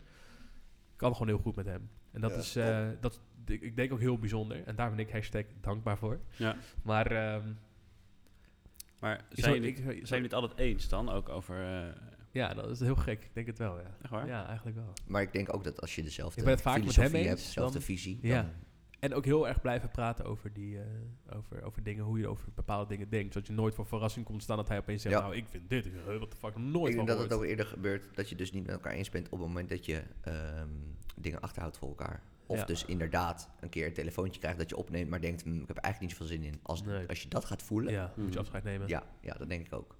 Ja. Ja. Want jij hebt, jij hebt geen compagnon. Ja, ik, ik- Ben je daar ook hashtag dankbaar voor? Ja zeker. Nu, nu, nu zeker. Want nu is al het geld lekker voor Maar jezelf. Ik, ik had eerst het idee echt van, dat, dat heb je nodig. Dat moet. Want Mhm. hoe dan? Anders moet je alles in je eentje beslissen en doen. Maar je kan beter geen compagnon hebben, denk ik, dan eh, ja, een slechte compagnon. Dat was En sowieso. open deur natuurlijk. Ja. Maar, en ik ben toen gaan zoeken, want ik dacht echt van, nou, ik moet dus, ik heb, eh, weet je wel, oud leidinggevende en eh, ehm, allemaal andere mensen die ik hoog had zitten benaderd en ermee gesproken. Maar wat je bijvoorbeeld achterkomt, is dat je of allebei heel erg goed bent in hetzelfde. Ja, dat is leuk, maar dat is in mijn ogen niet een toegevoegde waarde. Ja, of eh, ja, dat je mensen niet, dat je geen mensen vindt die op jou, eh, die voldoen aan jouw standaard, zeg maar, van hoe, hoe committed Ja. je wil dat iemand is. Of, ja. Maar dat, ik denk dat je iemand daarin moet ontmoeten. Of dat moet zo groeien zoals Ja. dat bij jou is gebeurd. Precies, Ja, ja, bij ons- en dan klopt het en dan is het goed. Bij ons is het altijd heel erg, dat is, dat is een soort ongeschreven regel, maar het is altijd heel erg voorkant, achterkant. Ik ben de voorkant van het bedrijf, David is Ja. de achterkant van het bedrijf.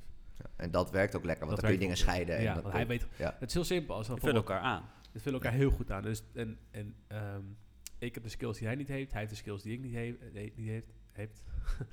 en ehm, dan, is het ook bijvoorbeeld, dan komt er bijvoorbeeld een nieuwe klant. Dan, ja, wie doet die meeting? Ja, dat is heel simpel. Dat ben ik, want ik ben de voorkant. Dus over dat soort dingen is dan niet eens, dan is het niet eens Dus geen overleg. jaloezie of, of Nou, strijd. niet. Of, nee, is helemaal niet nee, zelfs. precies. Eh, iedereen, weet je wel, David zou het helemaal niet leuk vinden om, eh, om te presenteren voor een, Ja. voor een groep mensen of om iets te verkopen.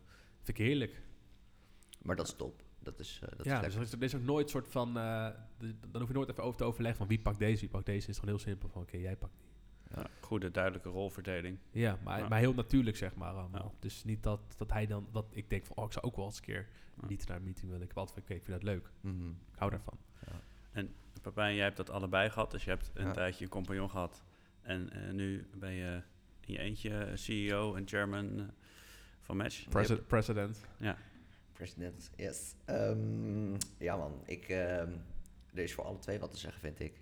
Ook wel een open deurtje, maar ehm, Ja. ik, eh, ik, mijn intentie was nooit om het in mijn eentje te beginnen. Omdat ik dacht, zo, dat vind ik niet prettig, zo zit ik niet in elkaar. Ik ben, ehm, ik ben iemand die van samenwerken houdt. Projectgroepjes vond ik altijd leuk. Nam ik ook wel het voortouw in, maar ik vond het wel leuk om met elkaar iets te doen. Daarom denk ik ook dat ik er heel veel waarde aan hecht. Dat er dus bij mij wel iemand op kantoor bij zit. Ja. Ehm, maar ik, ehm, ik kom nu wel, denk ik, afgelopen nou, jaar steeds meer tot de ehm, conclusie dat ik het wel mis. En ik weet niet of dat een compagnon is of een goede coach of een combinatie. Kan Ja. natuurlijk ook. En waar mis je het dan in? Ik, denk, ik denk dat dat in het stukje sparren zit. Ik, ehm, ik, ben- ik ben een persoon die ehm, praat graag. Ik, weet, ik, heb, ik heb het gevoel dat ik weet wat ik doe, maar ik vind het heerlijk om bevestiging te krijgen. Ja. En ehm, de mensen waar ik mee, mee spar of waar ik mee praat, en dat herkennen jullie vast ook wel, je kan het over je business hebben. Mhm. Bijvoorbeeld met mij, als je met mij praat, kun je het over je business hebben. Alleen, ik zit er niet zo diep in dat je tot in detail daarover kan praten. Nee. En hoe jij wel met David kan praten, Ja, dat is wel in detail. ja heel erg. En dat, dat kun je niet met mij. Snap nee, je? omdat je dan heel veel context nodig hebt om dan te exact. zeggen Jullie zitten de hele dag in hetzelfde, dus je weet je. En, Ja. en dat is iets waar ik van me afvraag, oké, ja, is een coach dan voor mij voldoende? Want ik denk dat ik juist in de, in de diepgaandere, operationeel, prima, dat kan ik allemaal wel zelf. Ja. Dat, daar hoef ik niemand voor te hebben, maar ik... ik ben- Strategisch dan. Ja, sowieso strategisch eh, keuzes maken. Maar- waarom, waarom maak je de keuze om het ehm, op manier A te doen en waarom niet op manier B? En het, en het hoeft niet te zijn dat ik het niet goed doe. Ik denk dat ik het wel goed doe. Alleen eh, hang er maar iets tegenover. Hè? En ik zie ook altijd met mensen die bij me werken of met een compagnon. Ik zie het als vissen. En alle vissen. Ik, ik zwem deze kant op Mhm.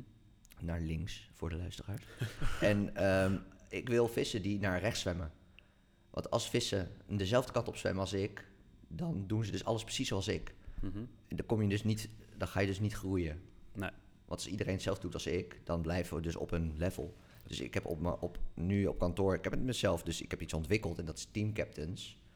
dat zijn medewerkers die veel meer werken, die het leuk vinden en die ook wat Am- meer ambassadeur, betrokkenheid. ambassadeurtjes Yep. eigenlijk. En één keer in de twee maanden, en dat hebben we gisteravond ook weer gehad, één keer in de twee maanden heb ik een meeting. Dan regel ik eten, bier, wijn en dan ga ik met hun zitten en dan noem ik alle punten waar, die ik wil bespreken. Ja. Dat is dan dus wel een stukje operatie. Mhm. Maar ik wil weten hoe zij er naar kijken. Ja. Want ik heb een gedachte erover hoe ik wil dat ze hun beschikbaarheid invullen. En dat Ja. ik wil hoe ze gaan werken. Het is gewoon heel waardevolle feedback eigenlijk. Tuurlijk. En, ik, en ik, kan, ik heb er niks aan dat ik zeg: jongens, jullie moeten allemaal vier keer per week beschikbaar zijn, verplicht. En dan zeggen alle medewerkers: ja, volgens van je voorhoofd. Snap je? Ik kan een goed idee hebben, alleen zij moeten het gaan uitvoeren. Ja. Dus ik heb dan wel, ik vind het fijn om dan ook iets terug te krijgen. Ook al ben ik super koppig en eigenwijs en denk ik dat ik het beste idee heb. Maar uiteindelijk is iets terugkrijgen of het op een andere manier zien voor mij heel waardevol. Dus ik denk dat ik dat ook in een coach op strategisch vlak ehm, heel goed kan gebruiken. Dus ben jij een coach en wil jij Pepijn gaan helpen? Stuur een mailtje naar Stuur je motivatie. info.matchnederland.nl Ja. Ja. Nee, nee, maar Ja. ik, eh, ik, ik ben nu wel in gesprek met een aantal mensen om te Ja. kijken hoe we dat kunnen gaan vormgeven. Maar zou jij een coach willen... Je hebt natuurlijk heel veel coaches. Ik betaal... eh een, een van de mentoren betaal ik wel. Mhm. De andere niet. Nee. Dus ik kom altijd met de ene heb ik ook een soort van... Met de rest heb ik een soort van vriendschappelijke band. Met die Mhm. andere is echt legal. En die ken ik verder ook helemaal niet zo goed. Maar die is wel heel erg slim. Je bedoelt man. dat je een advocaat hebt dan? Nee, nee, nee. Die, eh, die, die guy... ehm, dat is een man van 73. Mhm. En die heeft dus zijn hele leven heel veel ehm, bedrijven gefuseerd, eh, bedrijven gekocht eh, en in bedrijven geïnvesteerd. Dus die weet, die kan, als ik met hem een meeting heb, of wij met hem een meeting hebben, dan loop ik bijna jankend eh, de meeting uit aan het eind. Dat ik denk van, wat de fuck zijn we bezig? Hoe, Mhm. hoe slecht zijn wij bezig? In Wat vergelijking met... ja, een soort van, deze guy die zegt dan, die stelt misschien de hele meeting, stelt hij vijf vragen. En alle vijftig vragen zijn er recht in mijn ballen, zeg maar. Van, fuck, je hebt gelijk, je hebt Ja, gelijk, ja, weet je. En je leert er heel veel van. want Maar je- hem, met, hem betaal je daarvoor. hem betaal ik. Oké. En hij, hij is dan gepensioneerd. Hij zegt, mijn uurtarief is mijn leeftijd. Dus dat is 73 euro per uur. En elk jaar wordt ik een euro duurder. Tof. Dus dat vind ik heel vet. Ja. Maar, maar, en, maar je wil weten of ik daarvoor wil betalen voor een Ja. coach. Wil jij voor je coach betalen? Of heb, heb je zoiets van... Vind jij het het waard? Ja. Ja, oké.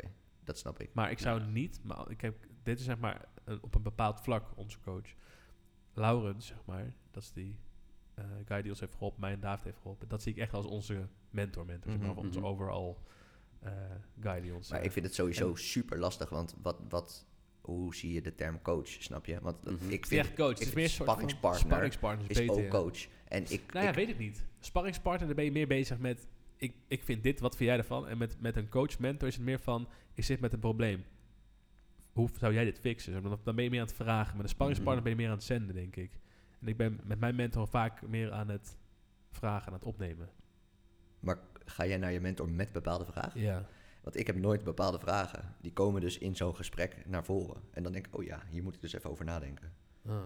Zo is het denk ik meer. Maar ik zou, ik zou niet Mm. nu, dus ik, ik zou nooit op internet gaan zoeken naar een coach. Nee, ik zou niet, Nee, nee, eh, ik zou niet zeggen, weet je, wat, ik wil zoveel betalen Ja. voor een coach. Ik Ja. denk ook eh, ergens dat een coach niet werkt, Hm. ehm, omdat een coach het altijd doet voor de lol. En ik geloof er wel in dat als je een compagnon hebt die Ja. heel veel ervaring heeft, dat je dan. Hij heeft er echt baat bij dat hij jou goede informatie en goede feedback en goede sturing. Ja, goede- maar een coach ook denk ik dat hij het voor de lol doet. Dan, want iets anders aan doen, is tijd aan het verdoen. Mhm. Tuurlijk, maar op het moment dat hij. Het belang is minder groot. Exact. Als Ja. jij een heel groot probleem hebt voor jou. En ehm, hij heeft die dag dat jij met hem zou afspreken, een dubbele afspraak. Ja. Dan gaat hij die andere afspraak doen. Ja. Snap je? Ja. Dat is gewoon mijn filosofie van hoe een coach Ja. denkt of mee bezig is. Nou ja, misschien meer als je iemand dan een klein percentage aandelen in jouw bedrijf zou hebben, dat hij dan daar op een andere manier gemotiveerd Zoiets. voor is om. Zoiets. eh, ja. Ja, maar ook weer op een level van je wilt hem ook weer niet te weinig geven, want dan boeit het hem niet, maar ook weer niet te veel. Want dan doen ze het alleen maar voor het geld. Oh, en je ja. wil ook dat ze het je? intrinsiek doen. Ja, dus het is super het is moeilijk heel om daar een goede ja. balans in te zoiets moet heel vinden. natuurlijk groeien. Dus zoiets Ja. is niet te googlen. Zoiets moet, je- moet je tegenkomen, je moet een klik hebben met iemand. En denken, Ja, hey. zeker. En ik geloof ook echt niet in mensen. Dus wat die Bas bij AVAS dus ook, eh, waar we het eerder Ja, over hebben ja, gehad. ja. Daar, Geloof daar ik- geloof ik dus niet in. Ik zou denken in de toekomst, dan praat ik echt over, weet ik veel, 10 of 15 jaar, zou ik dit precies, omdat mensen mij handvat hebben gegeven, zou ik dit precies teruggeven. wil ik teruggeven. Ja, zeker. Dat zou, wel heel, dat zou ik heel fijn vinden. En ik krijg nu al wel eens van, van kids, nee, tenminste kids, kids, jongens van 18, 19 die gaan ondernemen.